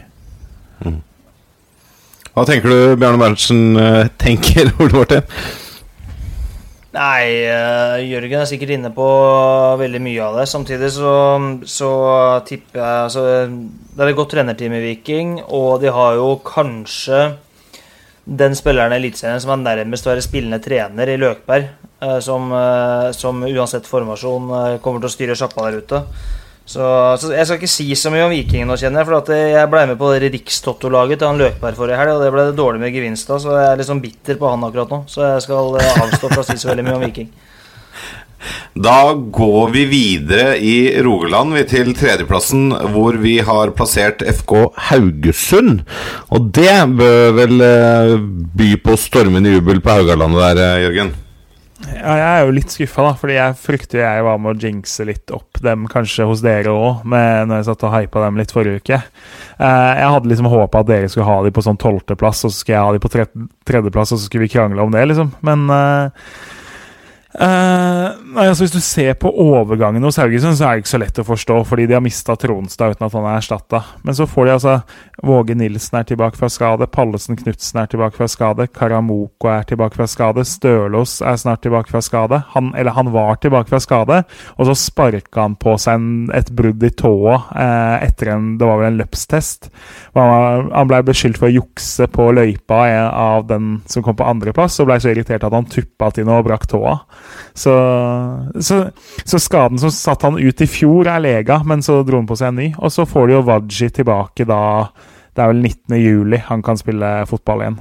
Så han misser jo mindre av sesongen enn han hadde tenkt. Eh, Niklas Sandberg kommer til å få en stor sesong. Han eh, eh, Vi har jo ikke noen egen fantasy-spalte her i dag, men det, altså, Niklas Sandberg er ganske spikra på mitt lag der. Han på høyrekanten her kommer til å blir god. Benjamin Kjellmann og Amitz Bøll, som er de to nysigneringene på topp, ser uh, ganske solide ut. Jeg syns det forsvaret deres da Hvis du får altså Karamoko eller Pallesen Knutsen da ved siden av Tidemann, og så har du Desler som nå eh, I mine øyne så er Desler den beste høyrebekken i Eliteserien, nå som Haraldseid trolig er ute for sesongen. Eh, jeg ville ikke, vil ikke bytta Desler mot noen for 2020-sesongen, som spiller i Eliteserien. Eh, og så har du da Tore Pedersen, som gjorde en kjempejobb på venstre bekken, men så får du da Stølås tilbake, som jo er en ekstremspiller med ekstremkvaliteter der i tillegg. Så for meg så har de et av de mest solide forsvarene, og nok kvalitet offensivt. Jeg er litt usikker på midtbanen, hvor da Altså Krüger og Leite Grindheim det, det, er ok, men jeg tror det er der skulle jeg forsterka en plass for Haugesund, så hadde det jo vært at du hadde fått inn en Sondre Tronstad på midten, da. Eh, så det mm. kan på en måte bli der de er mest svekka. Um, Jostein Grindhaug, um, Ole Martin, han er jo kjent for å snakke ned egne spillere og eget lag så godt det lar seg gjøre. Uh, tror du han uh, er misfornøyd med å bli tippa så høyt? Nei, nei, jeg vet ikke. Jeg tipper de tar det som et kompliment. Ehm, det er jo alltid hyggelig at folk har, har trua på det. Og det er jo Jørgen har som vanlig veldig mange gode poenger. Jeg syns også det er et godt poeng at Tronstad blir savna, for det var en, selv om han fikk mye skryt, det var en undervurdert fotballspiller i fjor. Han var meget, meget bra.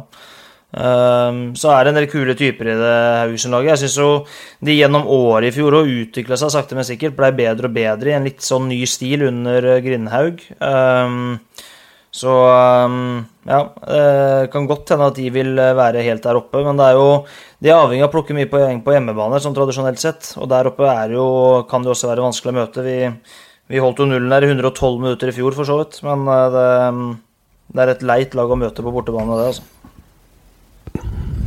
Da går vi videre til de som skal kjempe om uh, gullet. Og kan vi forvente Jørgen, at det er et lite hopp fra Haugesund på tredjeplass og til da Molde, som vi har satt på andreplass?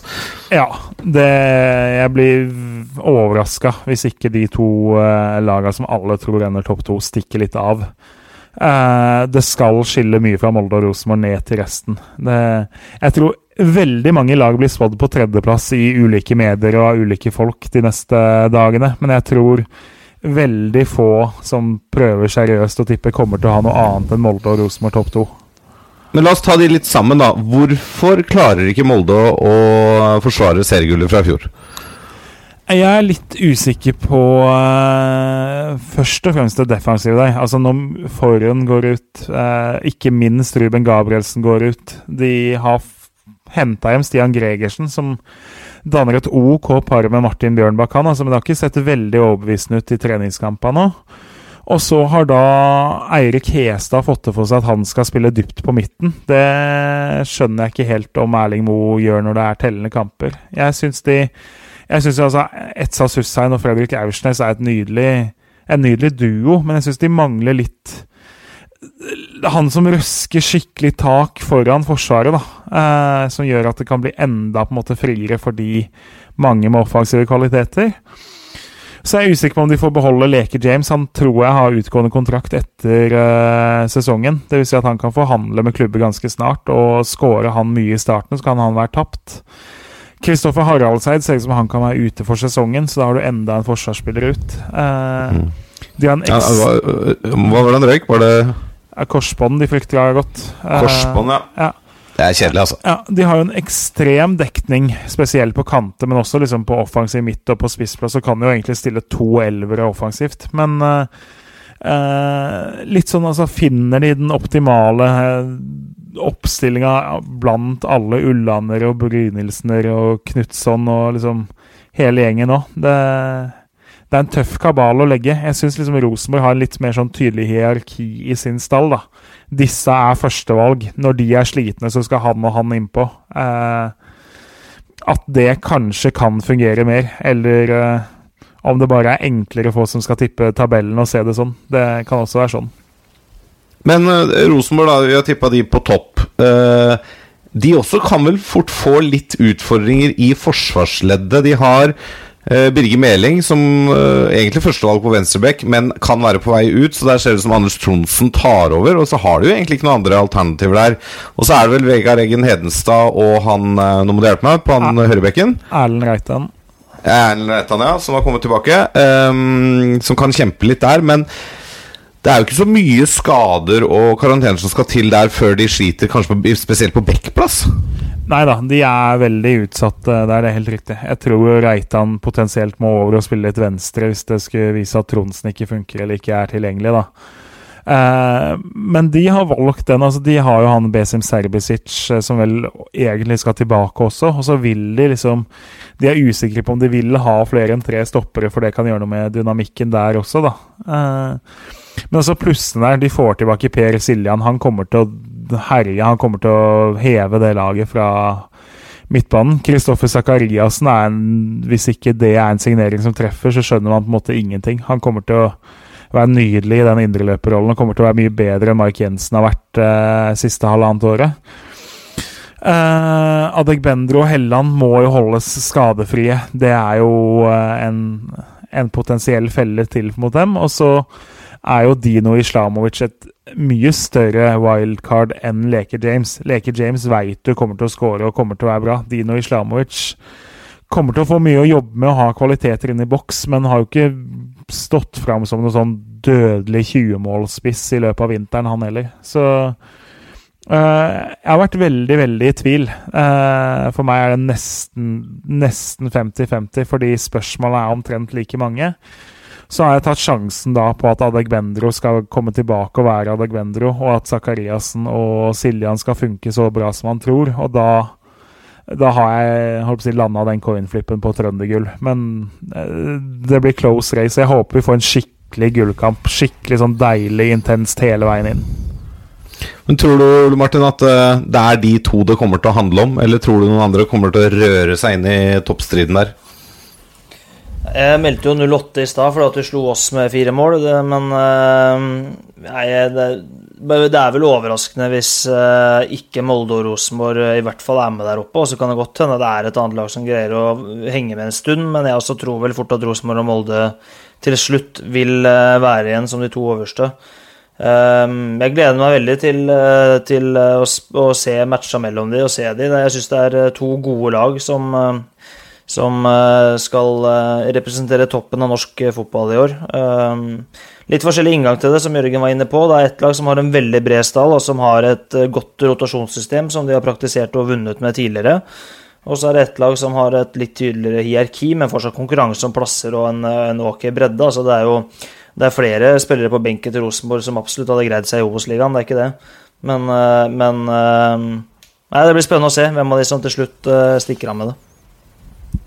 Og Da får vi bare beklage til alle lyttere. Det er jo ikke meninga å ødelegge spenningen til årets eliteserie med dette tipset her, men uh, vi, er jo, vi, er jo, såpass uh, offensive, vi, at vi sier at vi tror dette er det tipset som uh, blir nærmest sluttabellen når vi gjør opp lille julaften 2020.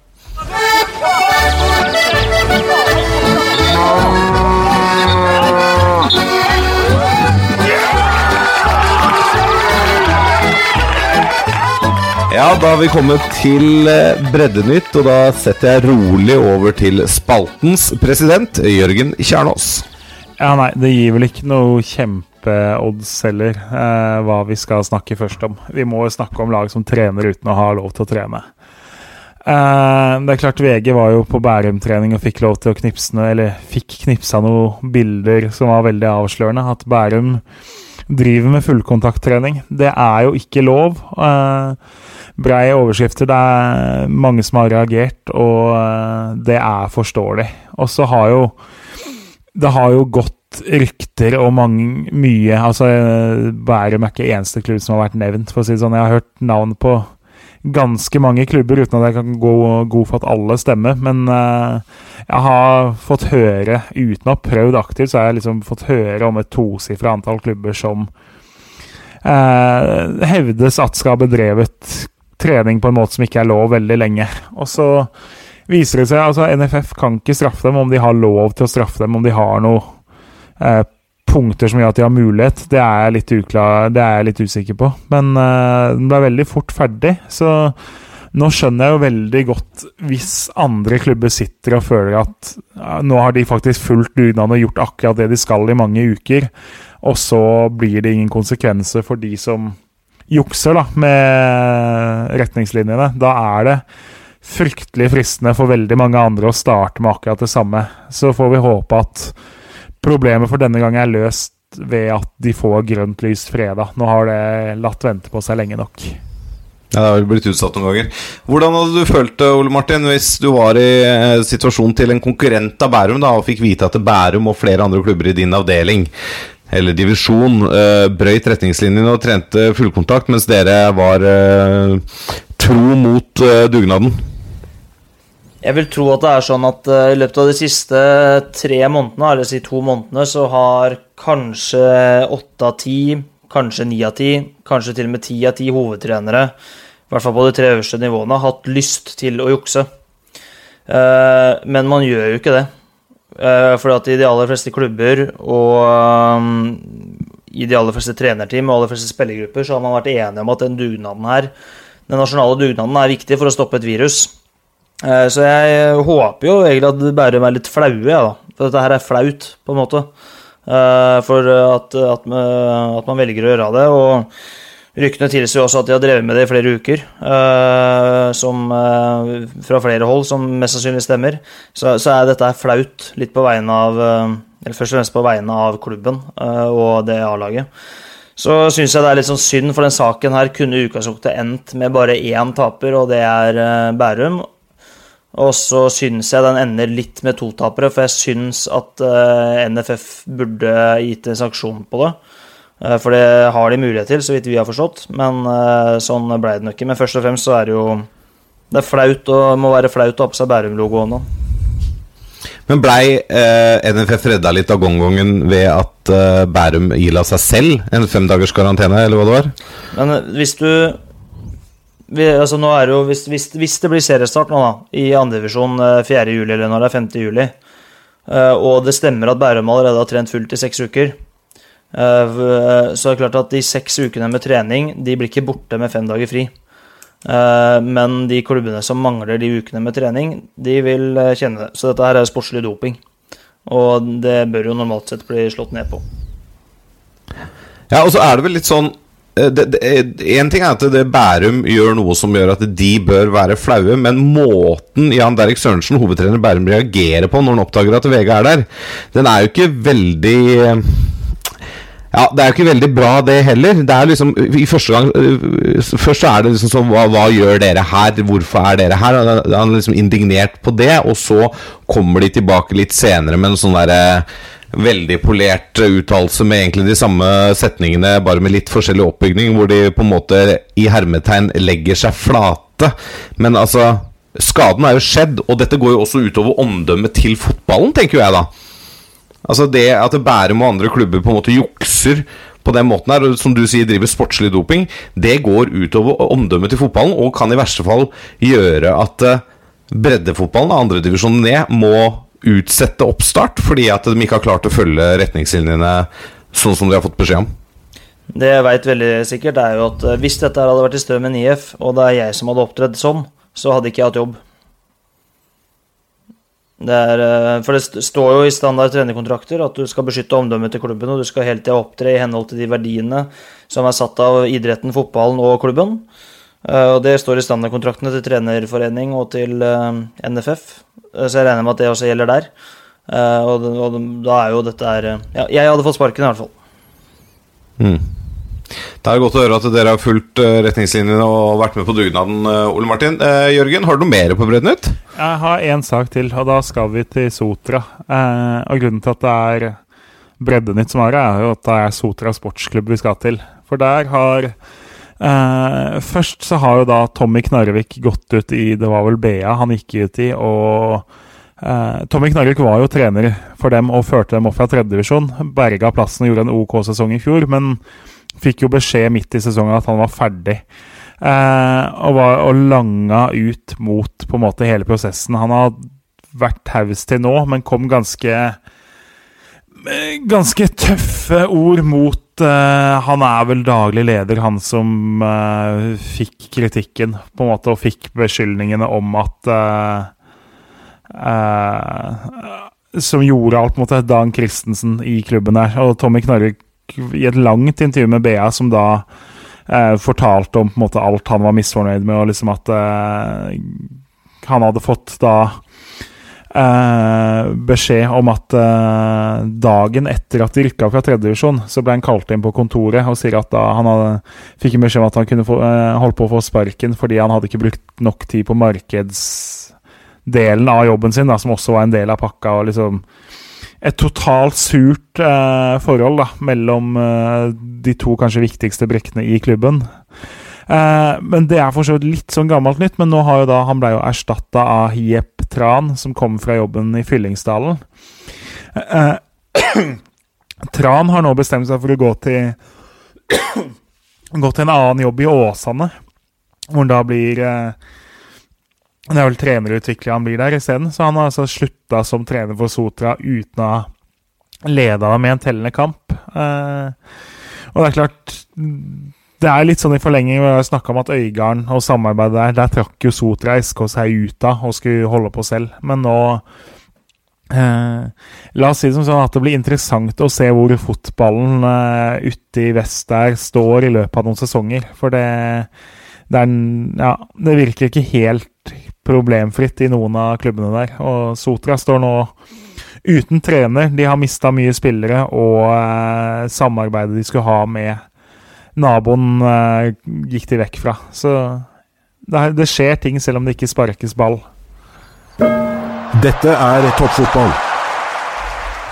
Ja, da har vi kommet til eh, den foreløpig navnløse spalten med mm, arbeidstittel, arbeidstittel Nesselquist ved selveste Ole Martin Nesselquist. Eh, Drypp fra toppfotballen, står det i notatene til eh, barnepasser Martin Roppestad her. Eh, Har du noe å melde denne uka her, Ole Martin?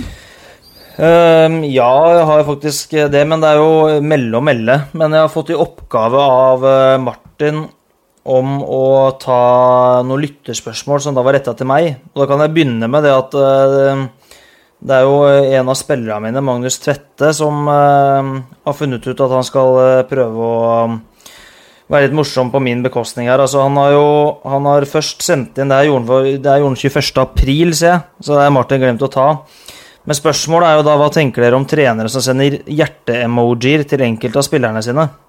Og så har han lagt ved et bilde da, hvor jeg sender melding til en spiller i fjor. Spilleren eh, skriver eh, Det er Andreas Hellum, som er tilbake i Mjøndalen for øvrig. Eh, Hei, har blitt forkjølet, så kommer ikke på trening i dag. Og jeg svarer god bedring med et rødt hjerte. Ehm, Sånn på Det er veldig hyggelig, det er jo det. Uh, Det er ikke noe jeg får vane å gjøre.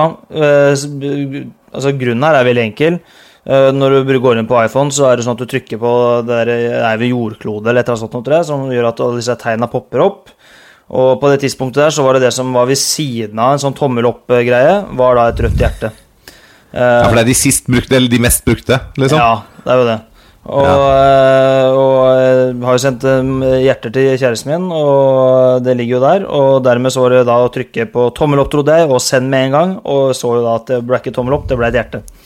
Så Hellum Ja, men det er, jo, det, er jo, det er jo hyggelig med hjerte når folk er sjuke, da. ja, Hellum var frisk igjen dagen etterpå, så jeg tenker at det hjertet det hjelper litt på. At, at eh, litt ekstra omsorg, det kommer alltid godt med. Eh, generelt sett så tenker jeg at vi fotballtrenere vi sender for lite hjerter. Det må jo være svaret på spørsmålet her, da. Um, og så Magnus har sendt inn et spørsmål i dag òg. Um, det er tydeligvis av dine egne spillere du skal få det. Men nå er spørsmålet um, Ole M. Hvem av spillerne dine hadde du tatt med deg i krigen, basert på det du har sett på treningene siste uka? Det spørsmålet kommer fordi at uh, det på treningene siste uka har vært litt konkurransepreg med de som har lov til å drive kontakttrening. Uh, og det har vært litt action. Uh, vi har noen vinnerskaller i den gruppa vår. Uh, så hvem jeg hadde tatt med meg i krigen Det er jo Morten Bjørlo går veldig ofte i krigen på trening. Han er en av de som hisser på seg flest. Men han er også stort sett den som taper selve slåsskampen. Så hvis jeg skulle valgt en ut ifra altså treningsgruppa her, så tror jeg jeg hadde valgt Mustafa Shrifer, for han er diplomaten i alle krangler. Det er alltid han som kommer inn og løser ting med ord. Eh, og det har jeg generelt sett veldig tro på. Så kan Bjørlo Simen Lillevik og eh, et par av disse andre hi- småhissigproppene de kan eh, la seg roe ned av Ashrifis kloke ord. Må være svaret på det. Altså jeg, jeg, Når jeg ser det spørsmålet, så sitter jeg litt med følelsen at Magnus her prøver å fiske. Hvor, hvor setter du han i miksen her? Magnus sjøl er jo ikke i kontakttreninggruppa, han er jo lærer. Så han uh, trener uten, uten uh, kontakt. Uh, for, så eh, hvis han hadde vært med, så hadde han fiska etter seg sjøl, garantert. Ja, nettopp, Så dette er rett og slett at han har fått vite at det har vært litt eh, fyring? Ja, eh, rett og slett. For det gutta prater jo sammen, og den kontaktløse gruppa kommer jo på trening en time etter de andre. Eh, Så eh, det har jo hendt at, at eh, de har møttes på veien inn og ut av stadion, og da, da har sikkert det blitt nevnt. Og så har jeg nevnt det litt, og at det har vært litt bra med fyring på, på trening. Så det er vel det det er sikta til, tenker jeg. Men er ikke han Sorry, er ikke han Jeg trodde han var politiet? Eller tenker jeg helt feil nå? Da er helt riktig, for han har vært lærer, men han er tilbake i politijobb nå. Det, er, det var jeg som det- ja, men- Det er helt riktig. Han har politi, ja. Ja, for da tenker jeg Hvis jeg skulle hatt meg igjen i krigen, så hadde det jo vært en fordel å ha noen som visste opp og ned på et uh, skytevåpen, i hvert fall. da Så hvis det var ordentlig, ordentlig krig. Absolutt. Eh, absolutt. Jeg er litt, us litt usikker på om jeg hadde klart å avfyre en pistol en gang, så ha med en som i hvert fall kunne vist meg basic ABC der, hadde vært eh, et stort pluss på, for min del, da. Ja, ja det er jo for så vidt sant. Eh, Men, men, du, men du liker at det er litt fyring på trening? Det skal være sånn? Ja, jeg liker opp til et visst nivå. øh, Men absolutt, det skal, det skal være vondt å tape på trening. Du skal legge mye i det. Øh, Men det er viktig for meg at når treninga er ferdig, så greier vi å skvære opp og, og gå videre i verden. Og det er viktig for meg at det, at det stopper. At slag og sånn, det syns jeg ikke er ok. Men at, at det blir litt knuffing, og at man tar litt hardt til hverandre og gir hverandre beskjed om at nok er nok, det syns jeg er helt ok i perioder. Men det må ikke bli for mye av det. Så, men uh, foreløpig er vi godt innafor grensene der, vi, altså. Så mye Ja, takket være å høre. diplomaten eh, Ashrifi. Ja, det er godt. Eh, det her blir jo på en måte en litt lyttespørsmål. Vi har en siste ting før vi skal runde av denne episoden. Kenneth André Sørensen har sendt oss en tweet. Etter jeg så dette bildet, så har jeg et spørsmål. Har Strømmen noen spillere som er lavere enn deres trener? Her eh, presenterer du en eh, spiller med sånn korona-handshake, eh, albue-handshake. Eh, Ole Martin, hvem er det vi ser på bildet her? Det er Jonathan Valberg fra Levanger, og så er det jo meg, da. Altså På Strømmen så er vi opptatt av å på en måte gi et signal til alle motstanderne våre om at vi har mye fysikk og vi har mye kraft, så alle, alle spillere våre står på krakk når vi tar bilde. Ja, det er lurt. så du ser veldig lav ut. Ja, det er helt greit for spillere. Ikke sant? Det blir sånn fryktinngytende preg på det. Uh, det er jo dessverre ikke sånn, da. Svaret er jo at uh, Ja, vi har et par spillere som er lavere enn meg, men det er ikke mer enn én eller to. Men uh, det går helt greit. For hadde alle spillere skulle vært lavere enn meg, så eh, måtte jeg vært litt kreativ på hvordan vi skal forsvare dødball i år, blant annet. ja, riktig. Så det er et bevisst valg. Ja, det, jeg, så, så lenge jeg er 1,74, så må jeg liksom akseptere at vi må ha noen spillere som er høyere enn meg òg, og det, gjerne da ganske mye høyere. Men det er jo sånn Vi vi prøvde jo i fjor på hjemme, eller på Facebook-sida vår å lage humor rundt presentasjonen av Morten Sætra på lån fra Godset, for han er jo 1,97 høy, tror jeg. Eh, så jeg anbefaler folk å gå inn på Facebook-sida vår og så ta dere 30 sekunder til å bla litt i arkivet og finne videopresentasjonen av han. For der eh, steller jo jeg meg på stol, så jeg er ganske mye høyere enn han når jeg presenterer han. Eh, Men eh, vi fikk liksom ikke all verden av reaksjoner på det, men jeg syns det var veldig artig. Og for øvrig min idé syns jeg var ganske morsom der. Så gå gjerne inn og se på den videoen, og lik den eller et eller annet, sånn at jeg føler at jeg får litt igjen for å være morsom. Dele en video fra i fjor. Det er greit. Den oppfordringen får vi sende ut til våre lyttere. Inn på Strømmen sine Facebook-sider, og lik og del, som vi sier. Nei, gutter, jeg tror det begynner å bli seint. Så jeg tror vi skal begynne å runde av. Eh, Vi kan jo nevne da at det kommer en episode til fra Toppfotball den uka her. Vi har jo som kjent inngått et eh, samarbeid med Podme. Eh, hvor den ukens preview-episode blir lagt ut før første serierunde i Eliteserien.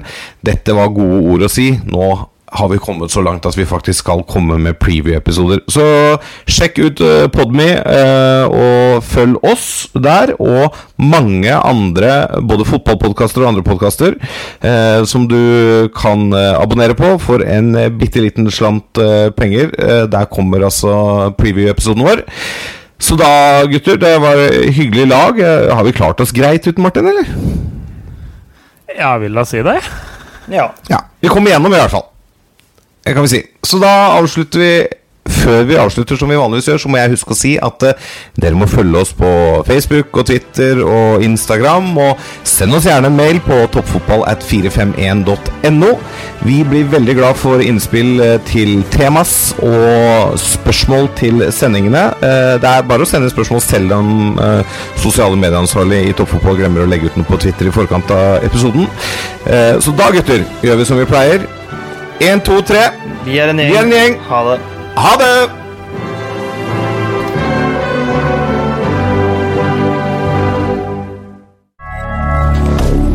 Moderne media.